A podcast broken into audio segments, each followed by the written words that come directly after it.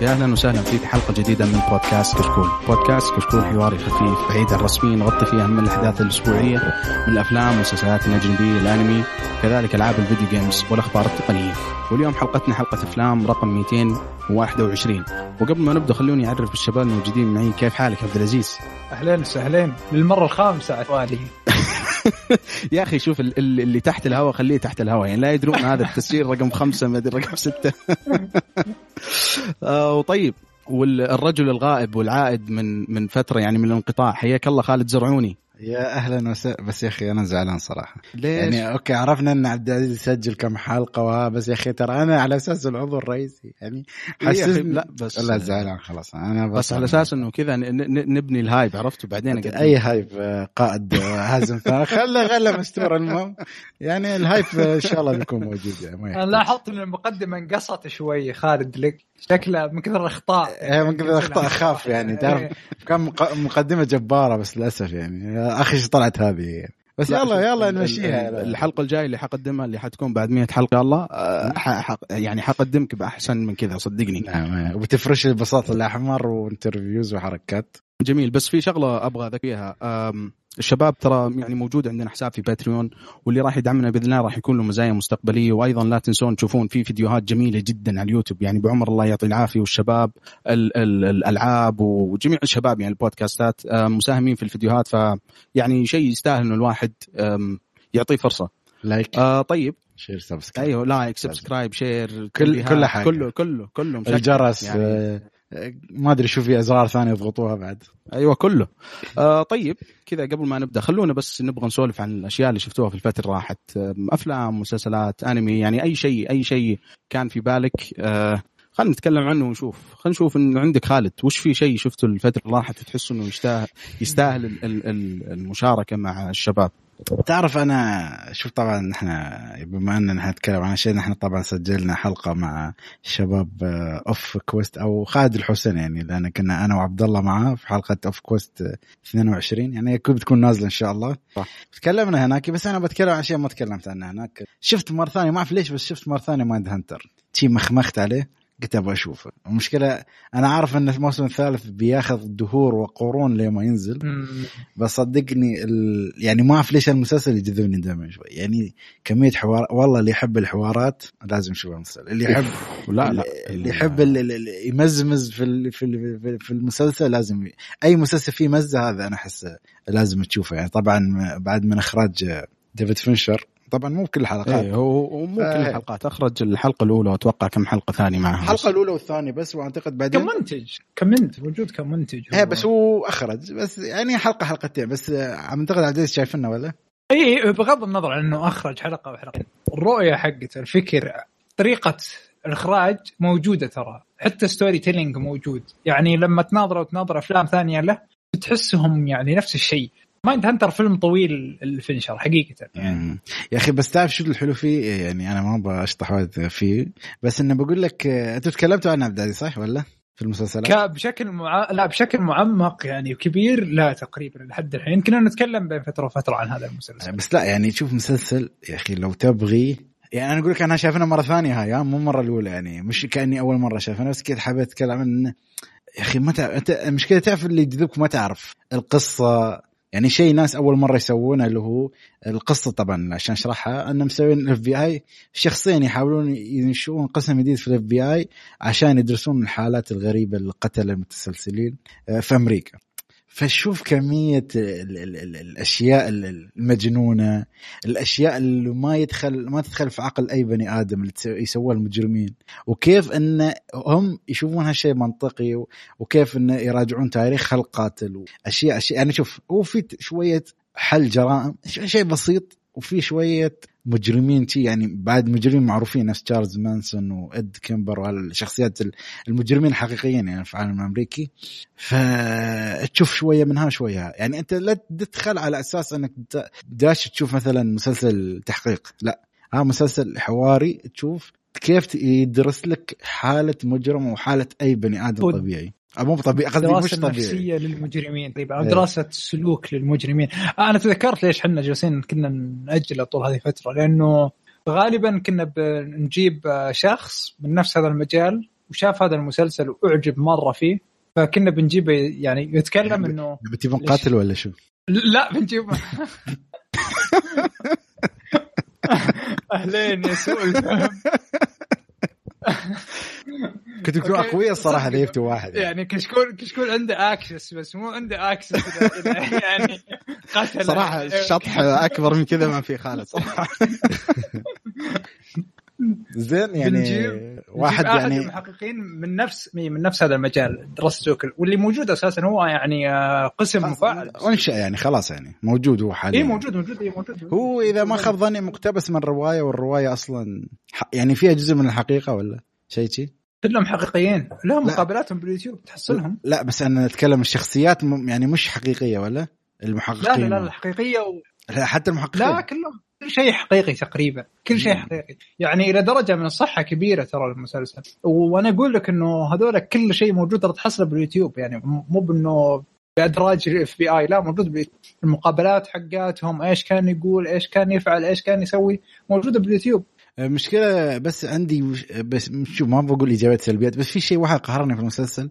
يا أخي يحمسونك لمجرم خرافي بس للأسف ما طلع لنا الحين. يعني أنا أحس إن لو season 3 رجع لازم التركيز كله ما عليه. أدري ما أدري مين تقصد صراحة إني ناسي بس اللي يطلع أول عشر ثواني في كل حلقة شي. عرفت؟ اللي آه اللي يلمحون آه، عنه تلميح. آه آه أتذكر أتذكر. بديت أتذكر الحين. اي بديت أتذكر الحين. آه أتذكر. آه يعني هذه أحد الطرق اللي ال storytelling حقت فينشر يعني. فيس بس ما أدري بس هل عندك خبر. عن season 3 ما ما أعتقد في شيء عنه صح؟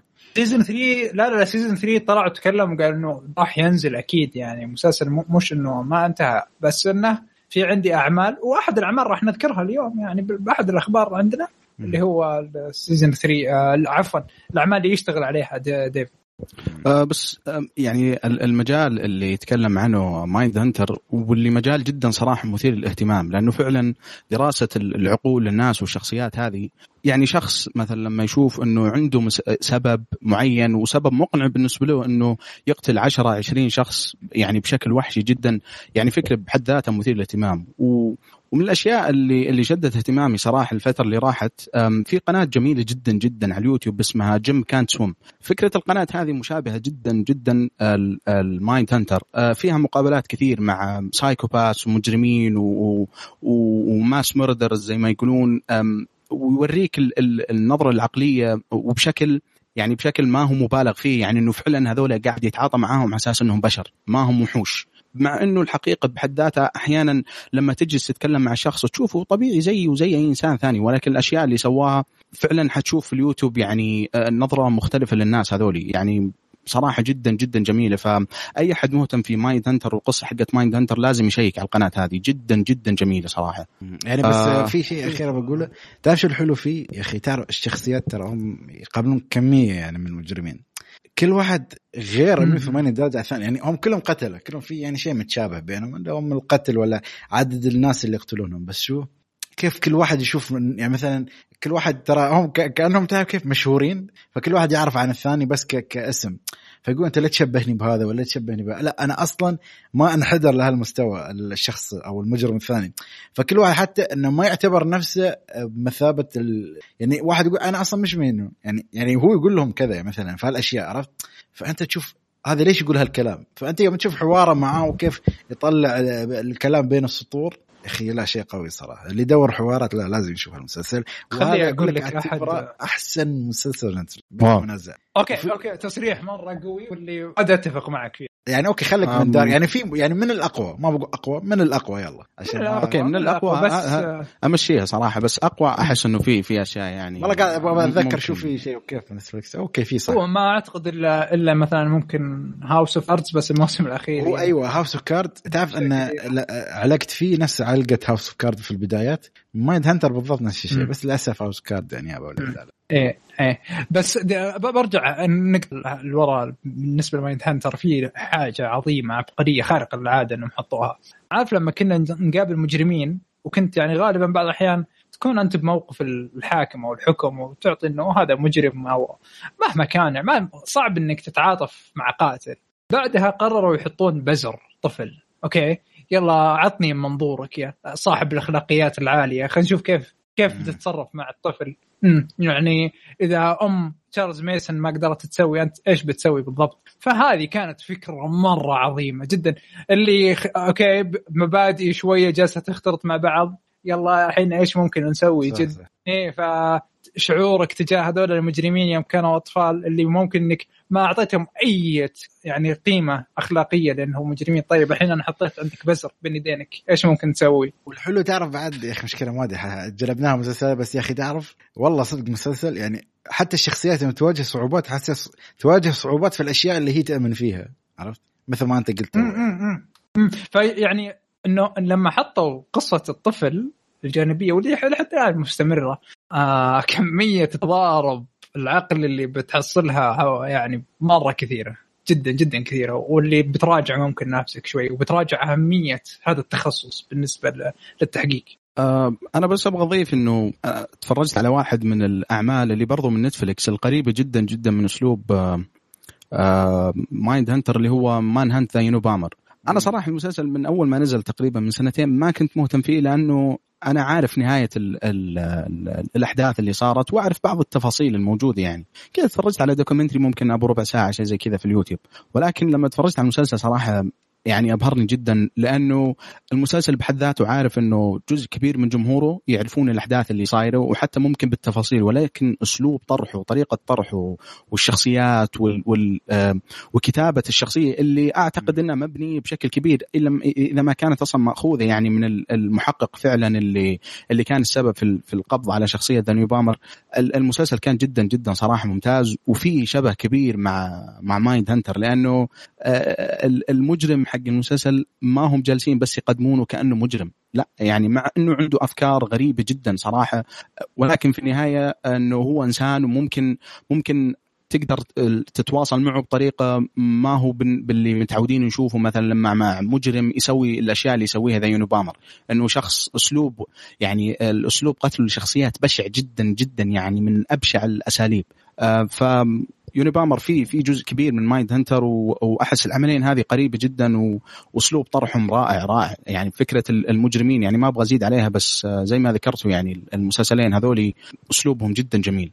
آه طيب خلونا شوي نطلع من الإجرام والكآبة. نروح عبد العزيز. وش الأشياء اللي تفرجت عليها؟ وبالله لا يكون في شيء فيه مجرمين يعني على أساس ما تروح لا لا يعني هذا قلت تضيفون مجرم ما أدري إيش السالفة إيه.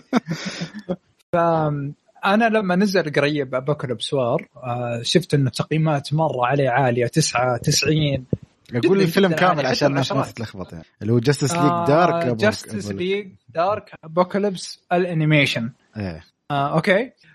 فيوم قررت إني أشوفه بس لاحظت إنه لازم إنك تتابع ال arc أو ال phase كامل. الأفلام مهمة طبعا. فهو حاجة تقريبا نفس Endgame اللي ما يمكن إنك تتابع الا لما تتابع آه عدة أفلام قبل عشان تقدر تفهم الحبكة وترتبط أكثر مع الشخصيات. فأي نعم سويت ماراثون آه بديت أشوف من عند Flashpoint بعدها Justice League Dark عفوا Justice League War وأكمل.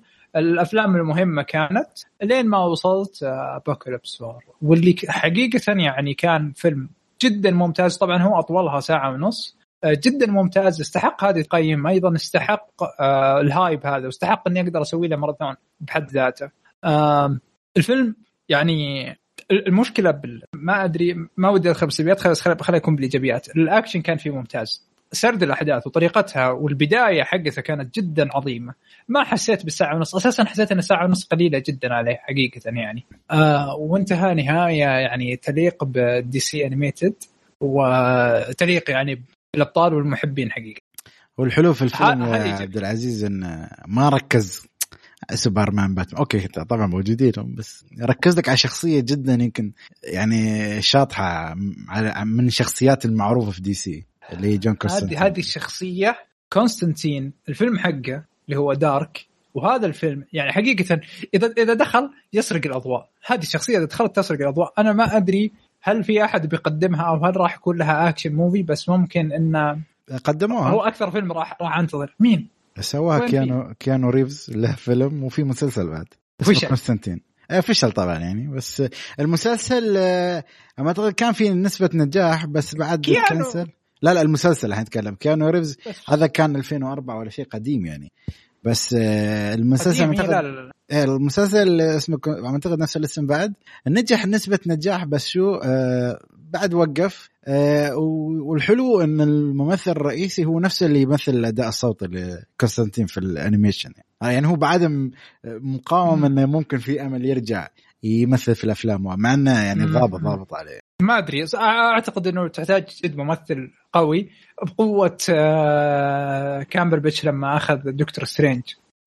لأنه تقريبا نوعا ما في عندك. آه، بريطانيين آه، يضب... يضب... يقدرون يضبطون الدور آه، بسهولة لأن الشخصيه. بريطانية صحيح فتقريبا هذا أهم الأشياء أح يعني إذا بنقول الأفلام المفضلة عندي آه، أكيد اللي هو الفيلم الأخير Death of Superman فيلم مرة حبيته حقيقة. حبيت الأكشن اللي فيه جدا جدا رهيب. أعتقد إنه آخر نص ساعة أو 45 دقيقة كانت عبارة عن قتال.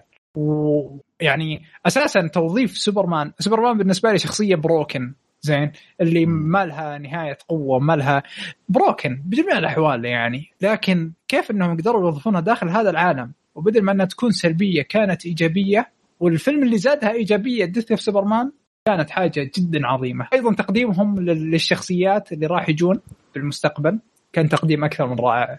آه والله عبد العزيز أنا يعني للأسف ما تفرجت على Dark Apokolips ولكن يعني بعض الأفلام المبنية عليه اللي أتوقع إنه برضو شفتها يعني تجهيزا للفيلم هذا تفرجت عليهم. وحقيقي يعني شيء شيء مؤسف صراحة لما تشوف روعة الأفلام هذه. يعني أفلام جدا جدا جميلة. في بعضها ممكن يعني تنافس يعني كأنه عمل من DC ممكن تنافس بالنسبة لي حتى ثلاثية كريستوفر نولان ال- الباتمان.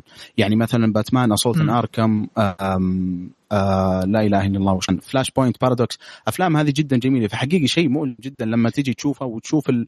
الاقتباس السينمائي حقه أو ال- العالم السينمائي المبني وتشوف شلون العالم معفوس و يعني ابدا ابدا ما في ما في. إي ما في أي ترابط يعني بين بين العالمين بشكل يعني يحسسك إنه فعلا العالم السينمائي هذا ترى بنفس العالم ال animation اللي فيه روائع كثيره جدا وصراحة يعني من ضمنها أنا أبغى لأنه صراحة عبد العزيز لما ذكرت Dark Apokolips جاء على بالي أفلام كثير ممتازه من ضمنها مثلا آه باتمان Assault Arkham. ما أدري إذا في أحد منكم شاف آه، بس هاي ما مش موجود. يعني هاي قبل كانت آه، قبل آه، Flashpoint Paradox فما تعتبر من لا. بس يعني تعتبر من ال animation. ترى شو سوى إيه، Flashpoint Paradox عشان أشرح إنه تعتبر reset يعني هالأفلام ترى كان في أفلام animation قبل وحلوه مثل ما قلت Dark Knight Return part 1 part 2 بس هذه ما يعتبرون من ال ال ال كيف أقول لك؟ التكملة ال continuity ولا شيء. لأن في بعد نزل باتمان باي جاز لايت ولا باي شيء شي أعتقد تي اسمه.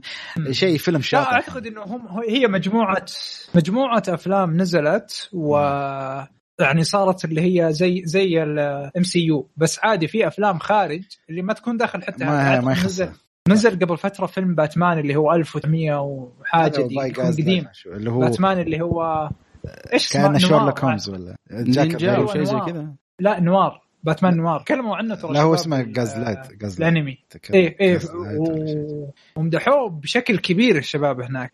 فأعتقد إنه مقسومة نوعا ما له في نوعين حتى الأبطال نفسهم حتى مثلا باتمان أعتقد مو مو بنفسه هو ذاك. آه لكن هذه مجموعة كانت جدا ممتازة. فلاش بالنسبة لل- للترتيب ما أدري ليش ترتيب Flashpoint يبدأ الأول. حقيقة يبدأ الثالث أو الرابع. لأنه الفيلم اللي بعده على طول Justice League War هو prequel Flashpoint. آه ما أعرف شوف شوف بس بس بقول شيء عشان نرجع شوية على السريع. هو اسمه الفيلم باتمان Gotham by Gaslight هذا هو اللي يتكلم عن الشاطح اللي تي طالع في نصهم يعني. آه شوف Justice League War أعتقد ما أقول لك prequel بس هو تقدر تقول تهيئة. ليش؟ لأن آه يشرح لك أعتقد هو هو الفيلم اللي يشرح لك كيف بدأوا ال Justice League ولا؟ أيوه آه، أيوه أيوه هو هو اللي يشرح لك إنه التقوا Justice League. آه ترى هذه هي البداية الفعلية. عرفت كيف؟ يعني هاي اي بس المش أيوه. لأن بعد لو صار بعد- يعتبر يعني ما يعني في و... هالأشياء كلها ما استوت يعني آه، كيف أيوه؟ أيوه. ف يعني بالضبط هل كان الفكرة اللي يبون يوصلونها يعني يبون شيء fresh من أول جديد يعني. okay آه بشكل عام آه أنصح أي أحد أي أحد ما شافهم يبدأ فيهم. آه يستحقون صراحة إنك تسوي ماراثون. والافلام قليلة وتحصل ناس كثير بتويتر أعطوك المهم وأعطوك الترتيب ممكن الصحيح. أهم شيء لا تبدأ ب Flashpoint تبدأ ب War بعدين شوف Flashpoint. آه بالنهايه كانت عظيمة. ممكن يعني إذا بنحرق ونتكلم عن النهاية بعدين يعني بس بعد بس أنا أختلف معك يعني في نقطة War بس يلا. المهم آه، طيب. بس آه، بقول شيء بس, واحد بس عبد العزيز عبد العزيز أنا أنا أبغى أنه فكرة الربط ال- ال- ال- الربط بالضبط بين ال- الأفلام هذه وأفلام DC ال- ال animation أنا صراحة ما أحبها مرة لأنه أنا أشوف إنه في عدد من الأفلام تقدر تشوفها بشكل مستقل يعني من ضمنها ال- ال- الفيلم اللي كنت أبغاه مع إنه أنا عارف إنه إنه قد لا يكون ما له علاقة في في ال timeline هذا أو في في ال- القصة ال- اللي Dark Apokolips يناقشها ولكن من الأشياء اللي تستاهل إنه الواحد يتفرج عليها يعني اللي هو باتمان Assault Arkham مشكلة DC يا أخي أحيانا إنهم لما باتمان وسوبرمان يحشرونهم في أي شيء حتى لو ما كان لهم دور كبير في القصة حقته. يعني باتمان Assault Arkham هو فيلم آه، اسم الفيلم باتمان. ولكن فعليا قصة الفيلم ما هو عن باتمان هو قصة الفيلم Suicide Squad واللي تعتبر ممكن أفضل من الفيلم الصدر اللي اللي صدر 2016 ال- ال- الفيلم ال live action أفضل منه بمليون مرة يعني فعلا قصة Suicide Squad فعلا فرقة انتحارية وتقريبا فيها أتوقع نفس الشخصيات أو الشخصيات المهمة ل Suicide Squad يعني في جوكر في آه، هارلي كوين في Kill Shot أتوقع و Deadshot. الشخصية اللي مثلها لا لا مو مو King Shark الشخصية اللي, اللي مثلها ويل سميث وش كان اسمه؟ Kill Shot صح؟ Death Shot Dead okay. Shot Dead أنا Shot كذا. اي أنا سويت اسم جديد من عندي. superhero جديد. لا في في King Shark اللي هو يعت... اللي سواه المهم شخصية ثانية بعد موجودة. يعني. المهم المهم بس بس إنه أقول إنه أفلام دي سي أنا ما أحب الربط ال ال ال ال يعني المبالغ فيه فيما بينهم وأشوف إنه حتى يعني مو شرط الواحد يتفرج عليهم كلهم. يعني في في أشياء تقدر تشوفها لحالها و- وتكون ممتازة جدا جدا. فيا آه، عندك إضافة خالد؟ أيوه بالضبط. بالضبط. اللي هو أنت ولا مثلا ال Gaslight اللي تو تكلمنا عنه إنه ما يحتاج تشوف أي شيء بس شوف هذول الاثنين ممكن اللي مرة خارج أي عالم آخر. بس بس. كنت بقول شيء تعرف يا أخي يا أخي أحيانا أسلم بخلود لا بس أقول لك تعرف أنا كيف احترمت يعني؟ هل يعني العالم اللي سووه؟ آه، في في في شخصية طلعت في Flashpoint Paradox يعني كانت تقدر تقول محورية وشي زين. فشو استوى بعد ثمان أفلام في فيلم اسمه Suicide Squad هو يعتبر من التكملة يعني بس شيء فرعي هو بس تقدر تقول لها علاقة بس بشيء بسيط. المهم اسمه Suicide Squad Hell to Pay هالفيلم تعرف إن لما طلعت هالشخصية أنا صدمت قلت wow يعني هالعالم صدق متعبين نفسهم عشان يعني كيف آه، يستغلون كل الشخصيات. عرفت كيف؟ أنت عبد الله لو شفته ما أعتقد بتفهم قصدي يعني لأن شخصية كانت جدا مهمة يعني. فلا لا صدق هالعالم اللي سووه عالم يعني جميل مثل ما تقول مو بلازم تشوف كل الأفلام خاصة إن في كمية أفلام لباتمان يعني مو بلازم تشوف كلها يعني عرفت كيف؟ صح. بس إذا أنت تبغى تستثمر شوفهم كلهم يعني. بس يا أخي أنا عندي مشكلة مع ال- العوالم يعني بقد ما إنه شيء ممتاز و... وممتع يعني. وأحيانا يكون مكافئ لك. أنت يعني بذل جهد. وبذل كثير من الوقت آه إنه يستثمروا في هذا العالم. بس يا أخي ترى لما يكون واحد متابع جديد أو أو شخص مثلا بس يبغى يتفرج ويمشي يا أخي ترى صعب. واحيانا قد يكون هذا الشيء منفر. يعني في نسبة كبيرة من الناس واللي أنا كنت من ضمنهم كان عالم مارفل. يعني ترى ما بديت أتفرج عليه بالترتيب الصحيح. إلا من فترة بسيطة. يعني كنت أتفرج على الافلام على أساس إنها يعني standalone okay هذا فيلم ال Avengers وفي فيلم معين والأبطال في النهاية حينتصرون وهكذا. ففكره الربط يعني بشكل مرة قوي أنا صراحة ما أحبها. ف يعني في بعض الأفلام زي ما ذكرت تستاهل الواحد يعطيه فرصة لحاله. شوف أعطينا DC حقهم. أنا بس أبغى كذا ممكن أغير وأتكلم عن مسلسل أم، سيت كوم لطيف صراحة تفرجت عليه. المسلسل آه، اسمه New Girl المسلسل يعني صراحة يعني هذا من الأشياء اللي اللي لو ما كنا في الحجر الصحي الفترة اللي راحت ممكن ما تفرجت عليه. الفيلم آه، أو sorry المسلسل هو سيت كوم يعني تقليدي ما في أي شيء مميز ولكن ال- ال- الشخصيات والكوميديا اللي فيه لطيفة جدا. فكرته بكل بساطة عن شقه فيها ثلاثة شباب و...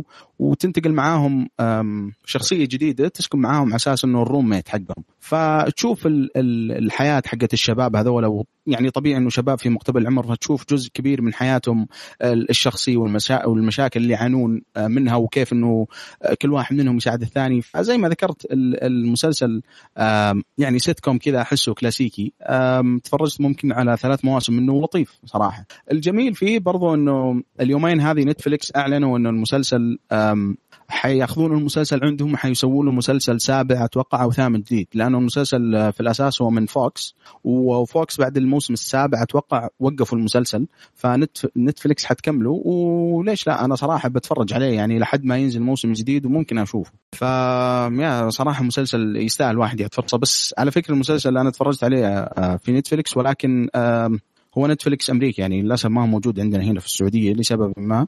فطيب أحد عنده شباب شيء يتفرج عليه يعطينا إضافة ولا نروح الموضوع اللي بعده؟ على طاري Netflix. يا أخي تعرف متى يقهرني لما يراويك هالصورة؟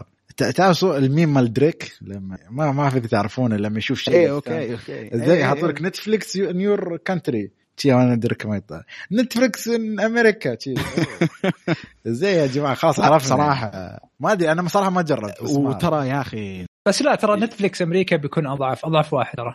ليه؟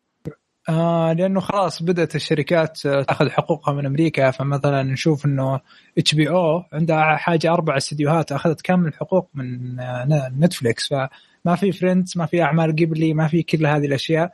وأي عمل من هذه الشبكات مش موجود عندهم. أيضا عندك آه. Universal راح يفتحون آه خدمة البث حقتهم. راح برضو يسحبون منهم كامل الاعمال زي The Office وغيره. هذا برضو غير ديزني اللي بدات على طول أساسا سحبت ال franchise حقها. فبيكون الأضعف يعني. صح لكن ولكن عالميا موجودين. لكن للأسف يعني وأنا أقول للأسف إنه آه، Netflix أمريكا الآن أتوقع هو Netflix الأقوى. يعني ممكن أمريكا ونيوزيلندا ال Netflix في الدولتين هذه لا زال الأقوى. وعلى فكرة بس ترى مكتبة الأفلام حق Netflix السعودية أنا برأيي إنه أفضل بمراحل من مكتبة الأفلام حقت أمريكا. لأنه أمريكا تحسهم في الأفلام حقاتهم مركزين على الأشياء ال franchise الكبيرة وال والاشياء ال blockbuster. بينما عندنا هنا لا فعلا مليان أفلام كلاسيكية. وجزء كبير ترى من الافلام الكلاسيكيه ما هي موجودة في Netflix أمريكا بقدر ما هي موجودة عندنا هنا في Netflix السعودية. ولكن تجربتي معهم أنا آه، لأنه كان صراحة في مسلسل معين كنت أبغى أتفرج عليه واضطريت إني أشوفه فقط في Netflix أمريكا مع المسلسل اللي ذكرته اللي هو New Girl فطيب أتوقع هذه أغلب الأشياء اللي شفناها الأسبوع اللي راح. آه، أبغى ننتقل بس بشكل بسيط على الأخبار لأنه أخبارنا اليومين هذه تعرفون يعني لنا فترة الأخبار يعني بحكم الكورونا والحجر مو مرة كثير ولكن عندنا كذا كم خبر لطيف خفيف. آه، عندك الخبر الأول يا عبد العزيز. طيب عندنا آه، المخرج آه، ديفيد فينشر واللي هو تو تكلمنا عنه the Mindhunter عنده فيلم جديد اسمه مانك ويعني تقريبا إنه خلص الفيلم قبل يعني تبدأ أيام الحجر الصحي عفوا بأيام بسيطة. وراح يصدر هذه السنة. أتوقع إنه راح يكون ضمن موسم الجوائز تبع شبكة نتفليكس. آه، راح يكون أبيض وأسود.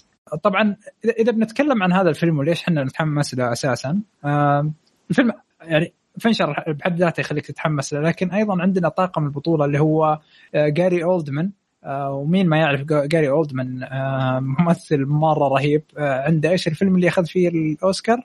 ذا داركست اور هو the Darkest ولا Darkest أنا ما أعرف صراحة والله من كثر ما اللي مثل فيه اللي مثل فيه تشرشل. تشرشل أيوه. أيوه هو the Darkest Hour أتوقع. هو على فكرة بس في فيلمين في واحد the Darkest Hour وفي واحد Darkest Hour فيلمين ما لهم علاقة في بعض واللي يتذكر ممكن المستمعين البودكاست القدامى حصل فيلم بسبة الشغلة هذه. يعني حصلنا إحنا شخصيا فيلم فيا يعني حبيت أنبه. هو أتوقع ذا داركست اور بنتاكد آه زين؟ آه الحين نتأكد. آه ثم عندنا أماندا. آه أماندا سيفريد أو أو شيء مثل كذا. طبعا هذه ممثلة اللي قديمة هي بالسينما بس ما تمثل آه يعني أشياء مرة كبيرة فنقدر نقول إنه هذا أقوى عمل لها. إذا تبغون نذكركم فيها عارفين البنت الصغيرة اللي كانت ب Les Misérables آه أي نسخة الأمريكية؟ لا إيه، اللي اللي كان هيو جاكمان هيو جاك آه أوكي أوكي أوكي. كانت هذه. آه ثم عند لا هي اللي كانت مع الشاب أساسا. المهم وعندنا أخيرا آه ليلي كولينز. آه ضمن هذا طاقم البطوله طبعا الفيلم يتكلم عن كاتب سينمائي اسمه هيرمان هيرمان جي ماكنيز أو شيء من كذا. بس هذا الكاتب هو اللي كتب Citizen آه، Kane وله يعني أح... اي إي أحداث مرة كثيرة هذه الشخصية. آه أيضا فاز بالأوسكار ك Citizen Kane تقريبا فالفيلم يتكلم عن biography عن هذا الشخص. فبس تقريبا هذه هذه أهم الأحداث عن هذا الفيلم. ويبدو إنه رهان نتفلكس جوائز أو موسم الأوسكار على هذا الفيلم. okay جميل. لأنه يعني حقيقي زي ما ذكرت عبد العزيز أصلا وجود شخص زي ديفيد فينشر وجاري أولدمان لحاله هذا ممكن خلاص كذا أدخل أتفرج على الفيلم وأنا مغمض يعني وأعرف مستوى الجودة اللي حيطلع. آه بس إنه حتى يتكلم عن عن شخصية آه حقيقية كتبت واحد يعتبر النسبة كبيره من الناس ممكن أحسن فيلم للتاريخ مع إنه أصلا ما أدري يا أخي آه، فكرة إنه أحسن فيلم في التاريخ يكون في فيلم أحسن فيلم كذا بحد ذاته أنا ما أقدر أستوعبه صراحة لأنه ما أدري بس على كل حال فصراحة شيء يحمس وبرضه الفيلم حيجي على نتفلكس يعني حيكون يعني خلاص الفيلم حيجيك لبيتك فأشوف إنه أنا مره مره مرة متحمس صراحة. ما أدري عنك خالد. لا أيوه غير إنه في طاقم رهيب أساسا وفي يعني وفي نشر بحد ذاته رهيب. وبرضه إنه راح ينزل موسم الجوائز معناته ما في الدنيا ما فيها استهبال فيها يعني جدية تامة زي حاجة Irishman لما نذكر العام نزل. في الموضوع فيه جدية ما في رخص. فكل أشياء تحمس حقيقة. وأنا انصدمت اللي توي أدري ولو خلصوا الفيلم بعد. إيش الحماس ذا؟ صح. بس هل آه، شو يسمونه ديفيد فينشر أخرج فيلم biography من قبل ولا أول مرة؟ إي أكيد أخرج شو؟ أتوقع أحسن فيلم biography أصلا في التاريخ The Social Network آه صح صح, صح. أي ما يعني هو yes okay. تقدر تقول حقبه بس يا أخي ما أدري ملاحظين نتفلكس في الأفلام؟ يعني من سنة 2018 كذا سنويا جالس تدلعنا صراحة على على نهاية السنة الميلادية. دائما كذا ينزلون كمية جميلة جدا يا أخي من الأفلام. الموسم الجوائز يعني سنة 2018 انتو The Ballad of Buster Scruggs برضو كان فيلم روما السنة اللي راحت The Irishman وأتوقع كان كذا في كم فيلم بس للأسف ما تحضرني. Marriage Story إي Marriage Story كان صراحة فاخر. إي السنة هذه زي ما قال خالد Da 5 Bloods أتوقع ما أتوقع افلام حلوة. إي إي كأفلام أقصد أنا أفلام آه، جوائز يعني جوائز الأفلام اللي عليها الكلام. إي فصراحة نتفلكس آه، يعني زي ما إحنا جالسين برضو ننتقدهم أحيانا في مسلسلاتهم إنه كثير منها معفن. صراحة لازم نذكر إنه في في جزء كبير من أفلامهم اللي تنزل في وقت محدد من السنة صراحة رائع جدا. بس أتمنى ما يكون في Bright 2 يعني. آه على فكرة على فكرة ديفيد فينشر له علاقة أو مو هو godfather الأعمال الكويسة عند نتفلكس هو godfather أعمال نتفلكس كلها أساسا. ف نلاحظ إنه ترى بكثير من الأعمال له استشارة أو أو إنتاج فيها. خصوصا الأعمال الكبيرة. أيضا هو عنده كتابة وانتاج الأعمال الأصلية الممتازة زي آه، مثلا House of Cards ألين ما انتهى بس هو طلع أعتقد إنه بآخر جزء. آه، غير إنه كل أعماله موجودة ترى على نتفليكس الآن. فهو يشتغل معاهم أعتقد من من يوم ما نزلوا وهو يشتغل معاهم. وهو هو شغال معهم. من 2013 هو يشتغل معهم. ما لا مو مستشار عمل حقيقي. يعني منت... إيه يا منتج حتى...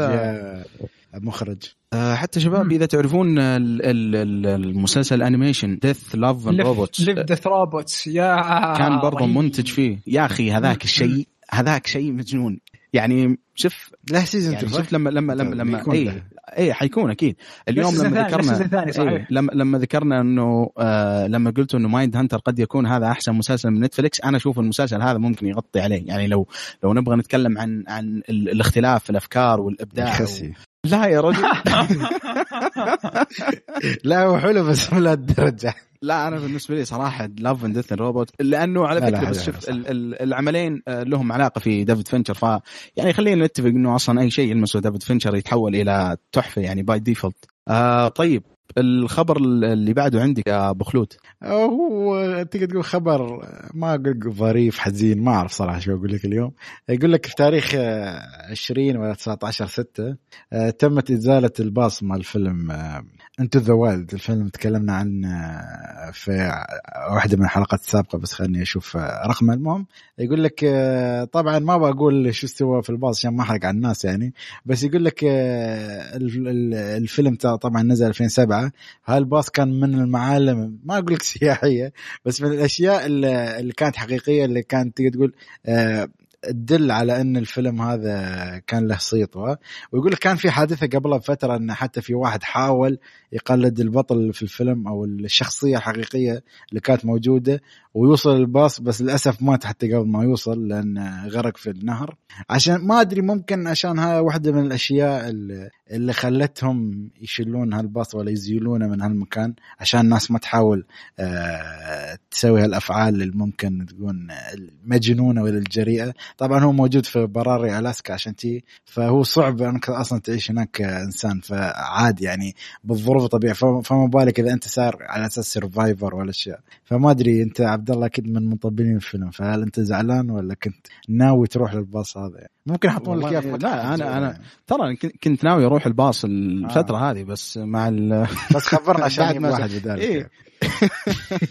لا بس صراحة يعني الخبر بحد ذاته أنا أشوفه أصلا كويس لأنه زي ما ذكر خالد إذا صار الموضوع يعني آه، يعني في في خطر على حياة أحد معين آه، شيء طبيعي انه إنه نكون ضده آه، بس الباص يعني لما ترى لما تفكر فيه كان أحد المعالم السياحية فعلا في ألاسكا يعني معلم سياحي لأنه اللي يعرف ألاسكا أصلا هي قد تكون أكبر ولاية في أمريكا وفي نفس الوقت أقل ولاية في أمريكا فيها تعداد سكاني لأنه المنطقة يعني ما هو بريه ولكن آه، المنطقة ما هي مؤهلة للسكن البشر يعني بشكل كبير يعني. فعشان كذا تشوف التعداد السكاني فيها قليل. ففعلا آه، يعني لما لما تشوف شيء زي كذا آه، يعني يروح وخاصة لما أنا أنا أعشق الفيلم حقيقة بشكل كبير جدا.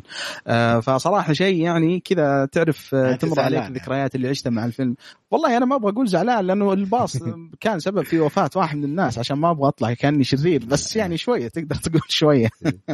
بس تكلمنا عن الفيلم في حلقة 189 اللي حاب يعني يسمع رأينا عن okay. آه طيب الخبر اللي بعده الجيمي فوكس الممثل المعروف في أحد الصور نزلها عنده في انستغرام ومو صورة ولكن كانت كذا في في أحد ال stories كان مصور جزء من ال يعني الاستعداد البدني بالنسبة له على أساس إنه يمثل شخصية الملاكم المشهور جدا مايك تايسون. فصراحة أنا لما قرأت الخبر هذا مرة انبسطت لأنه جيمي فوكس ممثل جدا جدا ممتاز وللأسف الممثل هذا يعني هو من كل كم سنة يطلع فيلم واحد محترم. يعني أنا أذكر في بداية الألفينات فاز في الأوسكار حقيقة ما يحضرني الفيلم وبعدها غاب لفترة بسيطة ما كان له ذيك الأعمال القوية جدا وبعدها جاء مع Django Unchained فصراحة واضح إنه الفيلم أصلا بحد ذاته آه، قد يكون محاولته للفوز بالأوسكار الثانية. فما أدري وش رأيكم أنتم إنه أصلا شخصية مثيرة للجدل جدا جدا زي مايك تايسون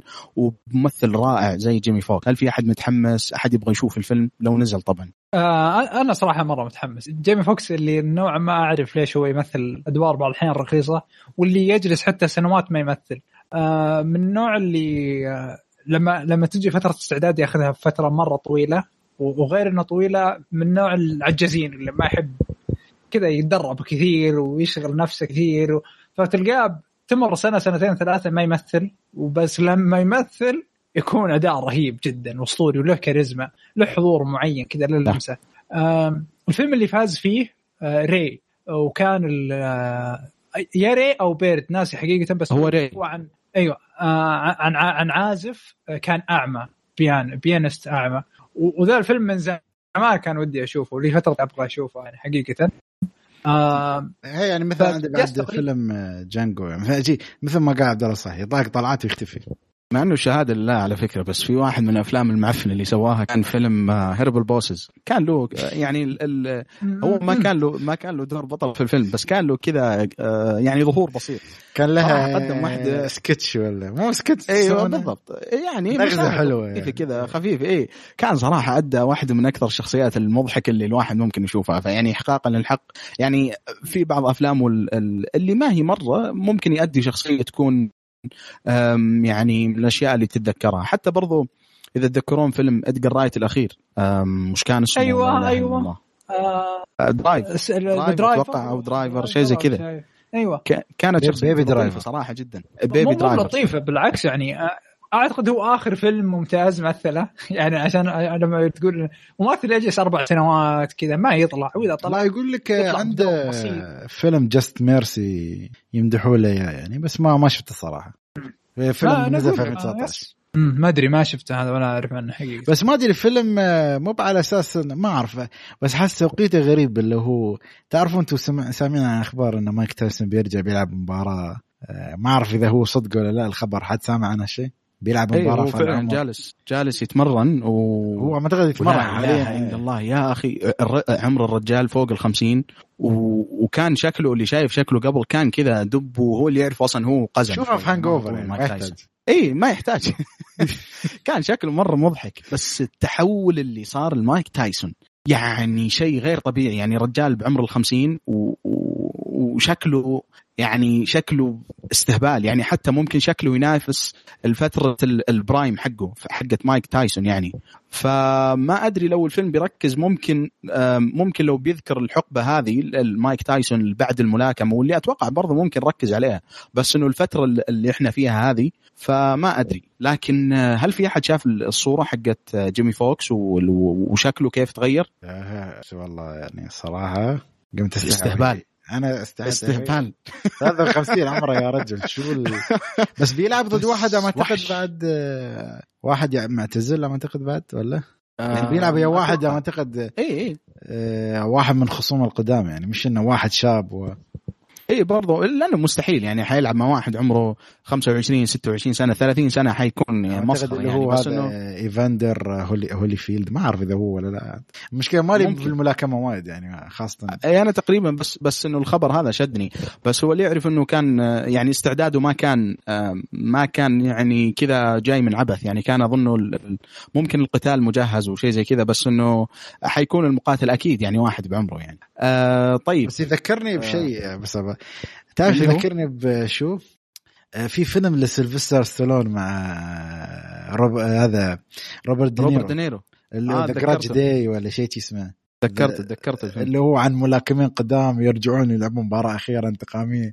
فأحس هم هو جاب اثنين في آخر الفيلم مايك تايسون وحد. أعتقد هم الاثنين نفسهم ولا؟ ما اعرف إذا كان هو صدفة ولا حقيقة ما أعرف الله حقيقة ما أتذكر بالضبط بس آه بس يعني ال- الفيلم الحين بتطبق في الواقع تقريبا. إي بالضبط. الحين ما أعرف قاعد أ guess ولا حقيقة بس يعني أعتقد إنه- هذه خليها المستمعين يسوون check من بعدك يشوفون. إيه. آه طيب آه خلينا نروح الآن لأفلام الحلقة لأنه صراحة الأفلام حريقه وخلينا نبدأ مع الفيلم الأول آم هو فيلم أحد إنتاجات نتفلكس السنة هذه والفيلم يعتبر من ال collection اللي سوتها نتفلكس لل Black Lives Matter الفيلم Da 5 Bloods الفيلم من إخراج سبايك لي قصة الفيلم بكل بساطة عن خمس أشخاص أو أربع أشخاص خلينا نقول أربع أشخاص. آه، في في يعني أشخاص كبار ممكن في السبعين أو الثمانين من العمر يرجعون في زمن الحاضر هذا إلى فيتنام. لسبب إنه يبغون يدورون عن جثة صاحبهم اللي توفى لما كانوا في ال- في الحرب الأمريكية ضد فيتنام. فهذه قصة الفيلم بكل بساطة وفي برضو احد الأسرار اللي ممكن تكتشفها لما تتفرج على الفيلم فما أدري أنا ما أحب أقوله الآن. فخلينا نبدأ معاكم شباب وأبدأ معك عبد العزيز. okay قبل ما أبدأ بايجابياته وسلبياته أنا أقدر أراهن حقيقة إنه الفيلم آه، هو فيلم موسم جوائز 100% يعني. لكن آه، عارف وانت تو قلتها اللي هو collection Black Lives Matter لما بدأت هذه الأحداث وصارت يلا يلا صورنا مشهد سوي editing نزل الفيلم الحين. هو واضح إنه بيكون قريب من الجاهزية يعني فيلم آه، فينشر جاهز حتى يعني تونا قلناه. فعجلوا بالأمور ونزلوه الآن. لأنه مستوى الفيلم مو بمستوى أفلام كذا بالصيف آه، اكشن لا مستوى موسم جوائز. تمثيل مستوى جوائز إخراج موسم جوائز حقيقة يعني من جميع النواحي الفيلم جالس يقدم أشياء رهيبة. أيضا كنت أعتقد بأنه يعني لو تعطيني تاريخ محدد أعتقد حاجة قريب أكتوبر لأنه الشهر اللي قبل آه، بداية الترشيحات لأنه في نغز كثير على ترامب وموضوع الترشيحات بشكل عام. ف تقصد الترشيحات ال- ال- الرئاسة الأمريكية يعني مو مو الرئاسة. الأمريكية أي نعم. اي ترشيحات الرئاسة الأمريكية آه، راح تبدأ بنوفمبر فأتوقع إنه يعني اثنين في واحد. نزل بأكتوبر موسم الجوائز وقبل ترشيحات الرئاسة الأمريكية ف واللي لأنه في رسائل كثيرة والفيلم يعني سياسيا جدا قوي ويطرح أفكار متعددة. آه هذا بشكل عام. لكن لما نجي لل- لل- للإيجابيات الإيجابيات لمسة سبايك لي واضحة هذه أكبر إيجابية إنه الرجال عنده كذا أفكار قدر يطلعها بكل بساطة وقدرت تتقبلها بكل أريحية. الإيجابية الثانية كمية الأشياء اللي موجودة كمية مثلا بالعادة لما نقول إذا الفيلم كثر من الأشياء زي مثلا العلاقة العاطفية بين الأب والولد.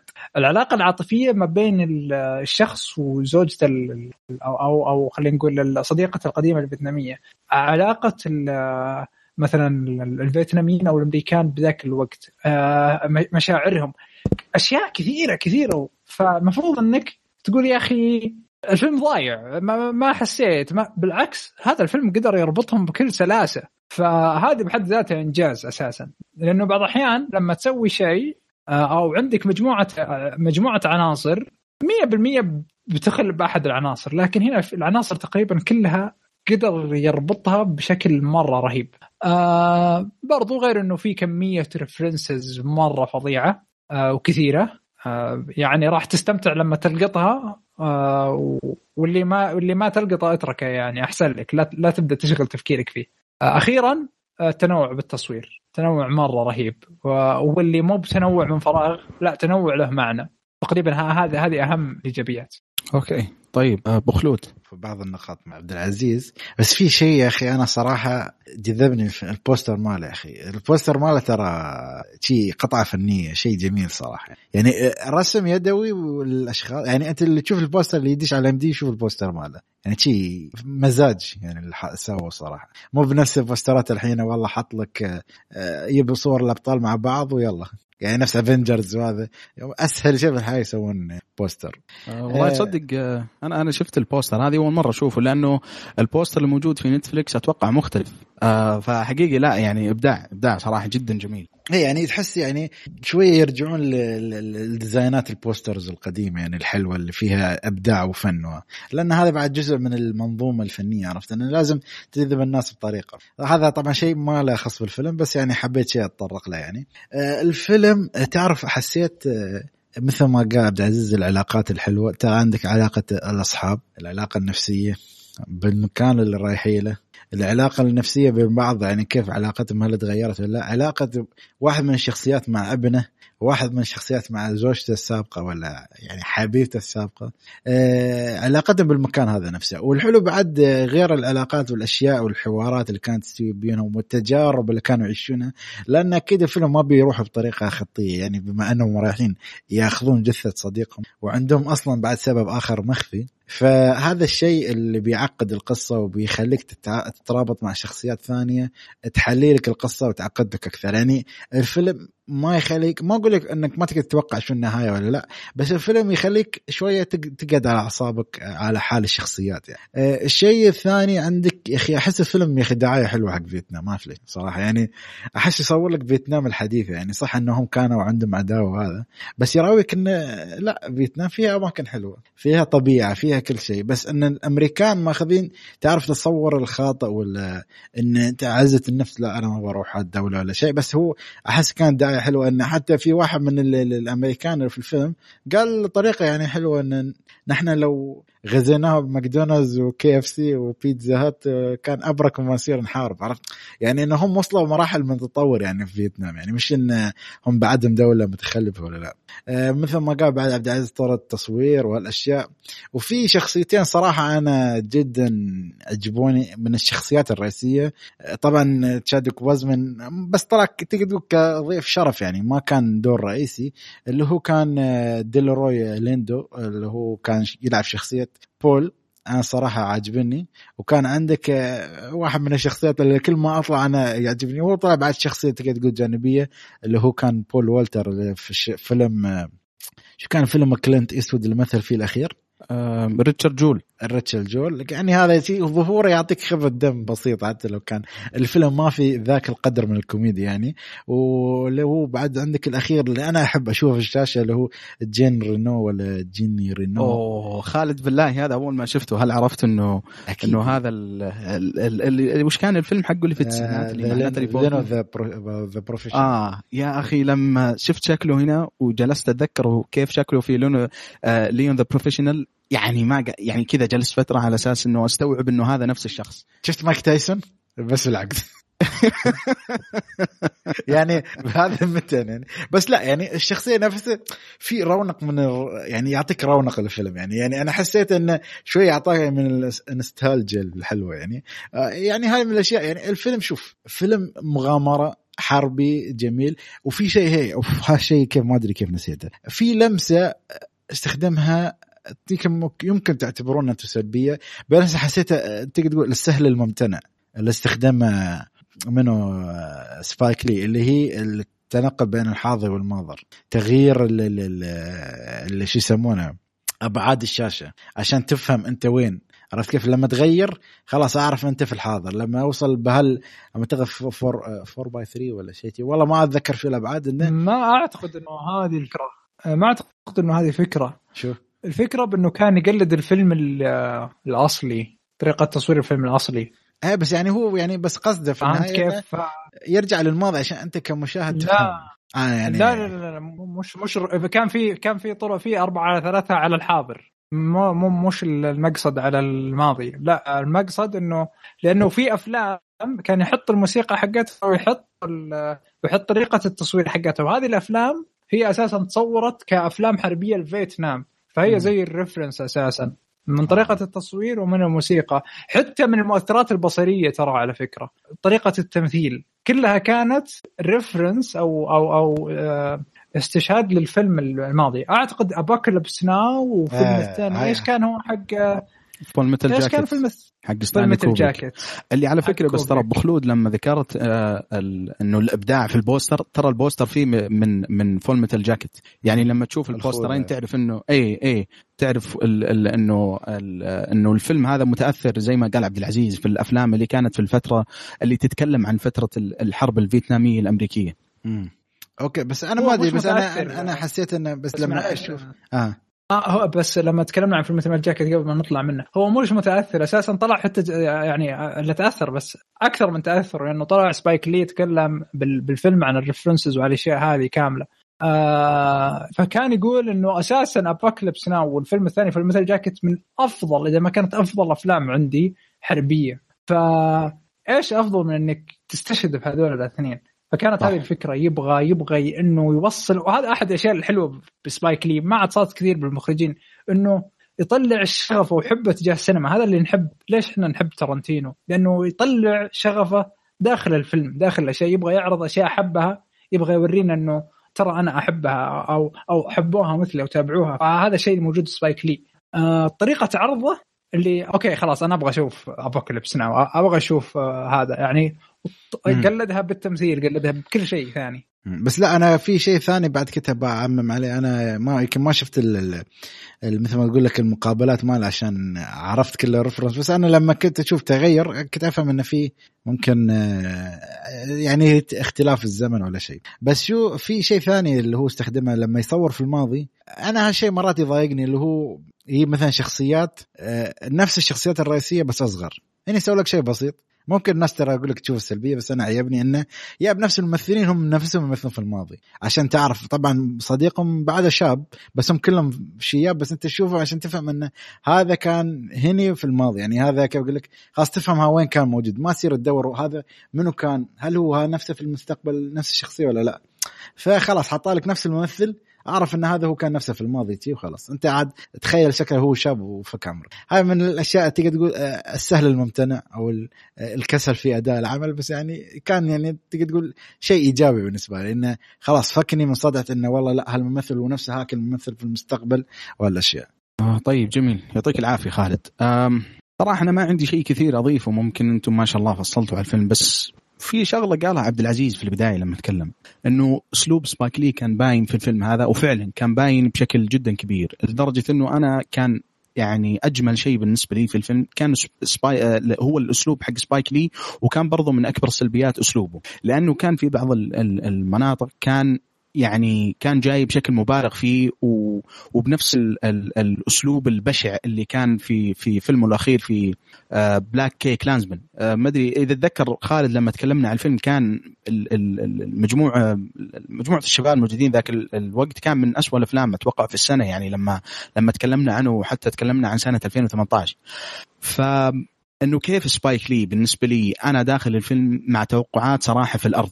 لأنه كنت متوقع أسلوب سبايك لي نفسه اللي هناك يكون موجود هنا ولكن كانت في بعض اللمسات أي نعم من أسلوبه السيء ولكن برضو طريقة طرحه يا أخي والكوميديا حقت سبايك لي وكيف إنه أحيانا يعيشك يا أخي الشخصيات يعطيك الطابع انها حقيقية. يعني أنا أبغى أربطه كثير في فيلم BlacKkKlansman على إنه من يعني من أقل الأفلام اللي تفرجت عليها في الفترة الأخيرة ولكن إنه كيف أصلا الشخصيات كانت حقيقية جدا.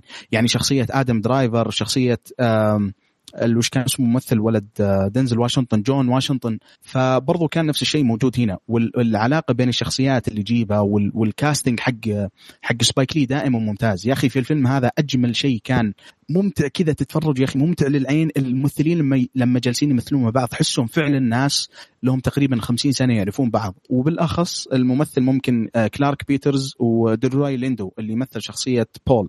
آه، وممثل برضو آه، إيزايا ويتشلوك جونيور. ممكن آخر ممثلين برضو قلتهم هذول كانوا موجودين في The Wire فلما تعيش معهم ومع شخصياتهم في مسلسل The Wire وتجي تشوفهم الآن ترى شخصياتهم مختلفة عن اللي موجوده هناك مختلفة بشكل كبير. يعني بالأخص شخصية آه، أوتس اللي زي رئيس رئيس الأربع شيبان اللي موجودين. فكيف عيشني مع الناس هذولا والرحلة الجميلة اللي عشتها مع الفيلم؟ وزي ما ذكرت خالد إنه كيف صور لك مدينه في آه، أو أو دولة فيتنام بشكل حضاري. يعني ما ما هو بالشكل ال يعني الشكل اللي اللي بالنظرة الدونية اللي لما أفلام هوليوود تتكلم عن عن مثلا آسيا أو دول شرق آسيا يعني بالتحديد. فصراحة هذه من الأشياء اللي أعجبتني جدا واستمتعت فيها. وبرضو النقطة ممكن اللي كانت شجاعة يعني نقطة شجاعة جدا جدا وما أتوقع ممكن أي أحد يسويها غير سبايك لي اللي هي أنه كيف الكاستنج واختياره للشخصيات الشيبان أنه نفسهم هم شخصياتهم هم شيبان وشخصياتهم هم شباب أعمارهم في الثلاثين وفي العشرين. أحيانا تحسها تفصلك ولكن برضو يعني تقدره لأنه قرار جدا جدا شجاع. يعني في بعض المشاهد كذا اللي جالس أقول يا أخي كيف هذول شياب وجالسين يركضون في الحرب ووراهم ناس يبغون يذبحونهم ما أدري إيش؟ بس إنه فهمت فهمت ليش إنه جالس يبغى يسوي الشيء هذا. لأنه أحيانا يا أخي بحد ذاته لما يكون عندك أربع شخصيات والفيلم يعتمد على على آه، زمنين مختلفين. ترى متعب إنه تعرف إنه الشخصية هذه هي نفس الشخصية هذه وشيء جدا صراحة متعب واحيانا يشوش. ولكن كان قرار جدا شجاع من من من سبايك لي. آه طيب آه قبل ما نروح للسلبيات أحد عنده إضافة على الإيجابيات؟ آه طيب جميل. السلبيات آه خل ببغى ابدا معاك يا عبد العزيز. وش الأشياء اللي ما عجبتك في الفيلم okay بس أنا أعلق عندي تويتر كان المفروض إني اقاطعك عند الإيجابيات. آه طيب اسلم خذ راحتك. okay. بالإيجابيات اختيار الممثل اللي هو تشادويك آه بغض النظر إنه اداؤه ممتاز هذا الشخص عنده كاريزما زي القيادية وبرضه الشخصية اللي تقدر آه، تعطيك خطابات وأشياء وتحس إنه شخص رهيب اللي مو ما يعطيك كذا كرنج أو تحس إن ده جالس يتصنع. كذا هذا اختيار ممتاز. تحس شيء عبد العزيز تحس فيه من كذا من من دنزل واشنطن لما لما كذا يمسك الشاشة أيوة ويعطيك أيوة. خطاب يعني كذا يعني شعر يدك يوقف فيه. ففعلا صراحة أتفق معك في, أيوة. النقطة هذه. آه برضو أحد الأشياء اللي ممكن يعني ممكن أحد منها يتوجس أو شيء لكن لما تلاحظ الشخص كذا لما إذا بتدخلون اي ام دي بي تلاحظون صورته ولا شيء الشخص مهندم مرتب الولد يعني. حتى مثلا آه، طريقة اهتمامه بشكله ووجهه وبنيته الجسدية. لكن لما تلاحظ الباقيين باقي الممثلين اللي معفوس وجهه واللي مضروب واللي حالته حالة فأعتقد أعتقد بأنه كان يبغى آه، يوضح بأنه مع مع العمر وأيضا إنه آه، الجرائم والمشاكل والأشياء اللي سووها بأمريكا آه، هي هي اللي سببت لهم هذه الحالة البدنية والشكلية عليهم. على عكس هذا الولد اللي مات واحتفظ ب آه، خلينا نقول لأنه تو ما بعد مر على باقي مشاكل اللي واجهوهم بأمريكا وغيرها فاحتفظ برونقه بجماله يعني حتى مثلا بشبابه. هذه أحد الأشياء اللي ممكن في رسالة لأنهم كانوا يتكلمون كثير عن مشاكلهم بأمريكا وإيش هم خاضوا وإيش سووا. فحتى ديفيد الشخصيه اللي يعني آه، ترعرع على على الجرائم يعني. آه هذه أحد الأشياء. فلما تلاحظ لما تروح تقارن بين بين أشكالهم وشكل آه تشدوك حتى طريقة الهندام بتلاحظ أن في فرق كبير مرة كبير. هذه أحد الأشياء. باختيار هذول الممثلين واختيار تشودوك بحد ذاته. بس طيب جميل آه طيب تروح عبد العزيز سلبيات ولا نحول خالد؟ لا طيب، دام بخلود. انهم مكل- مكملين على على- كمل. دام انهم مكملين على الممثلين بكمل برضو على ممثل طيب. سيء اللي هي أيوة، مين هذا؟ صراحة البنت البنت الحقيقة كانت تطلعني من الجو تفزني أنا نفسي البنت آه، بنت؟ الفرنسية مم. أيوه كنت أطلع من الجو اي كلمة كذا أطلع من الجو أنا عايش مع دول الشباب وفلة ودنيا وما أدري ثم وين تجي أول أي كلمة تقولها وخصوصا مع اللكنة الفرنسية أكره حياتي حقيقه ما أدري. لا لا أنت شكله عندك شيء معاه. شكل عندك مشكلة مع. الفرنسيين ما أخي. أدري ما أدري بس شوفوا لي حل معها أنا أشوف اداءها سيء. إذا بس شو رأيك بالممثلة؟ في ممثلة اللي هي الفيتنامية على أساس تتكلم في الحرب في الراديو. يا أخي أحس تعطيك جو غريب تعرف؟ لما كانت آه، شخصية تعطي- حقيقية برضه هذه آه. شخصية حقيقية الكلام اللي قالته حقيقي برضه أوه والله معلومة جديدة. أها أوكي. شخصية حقيقية هذه.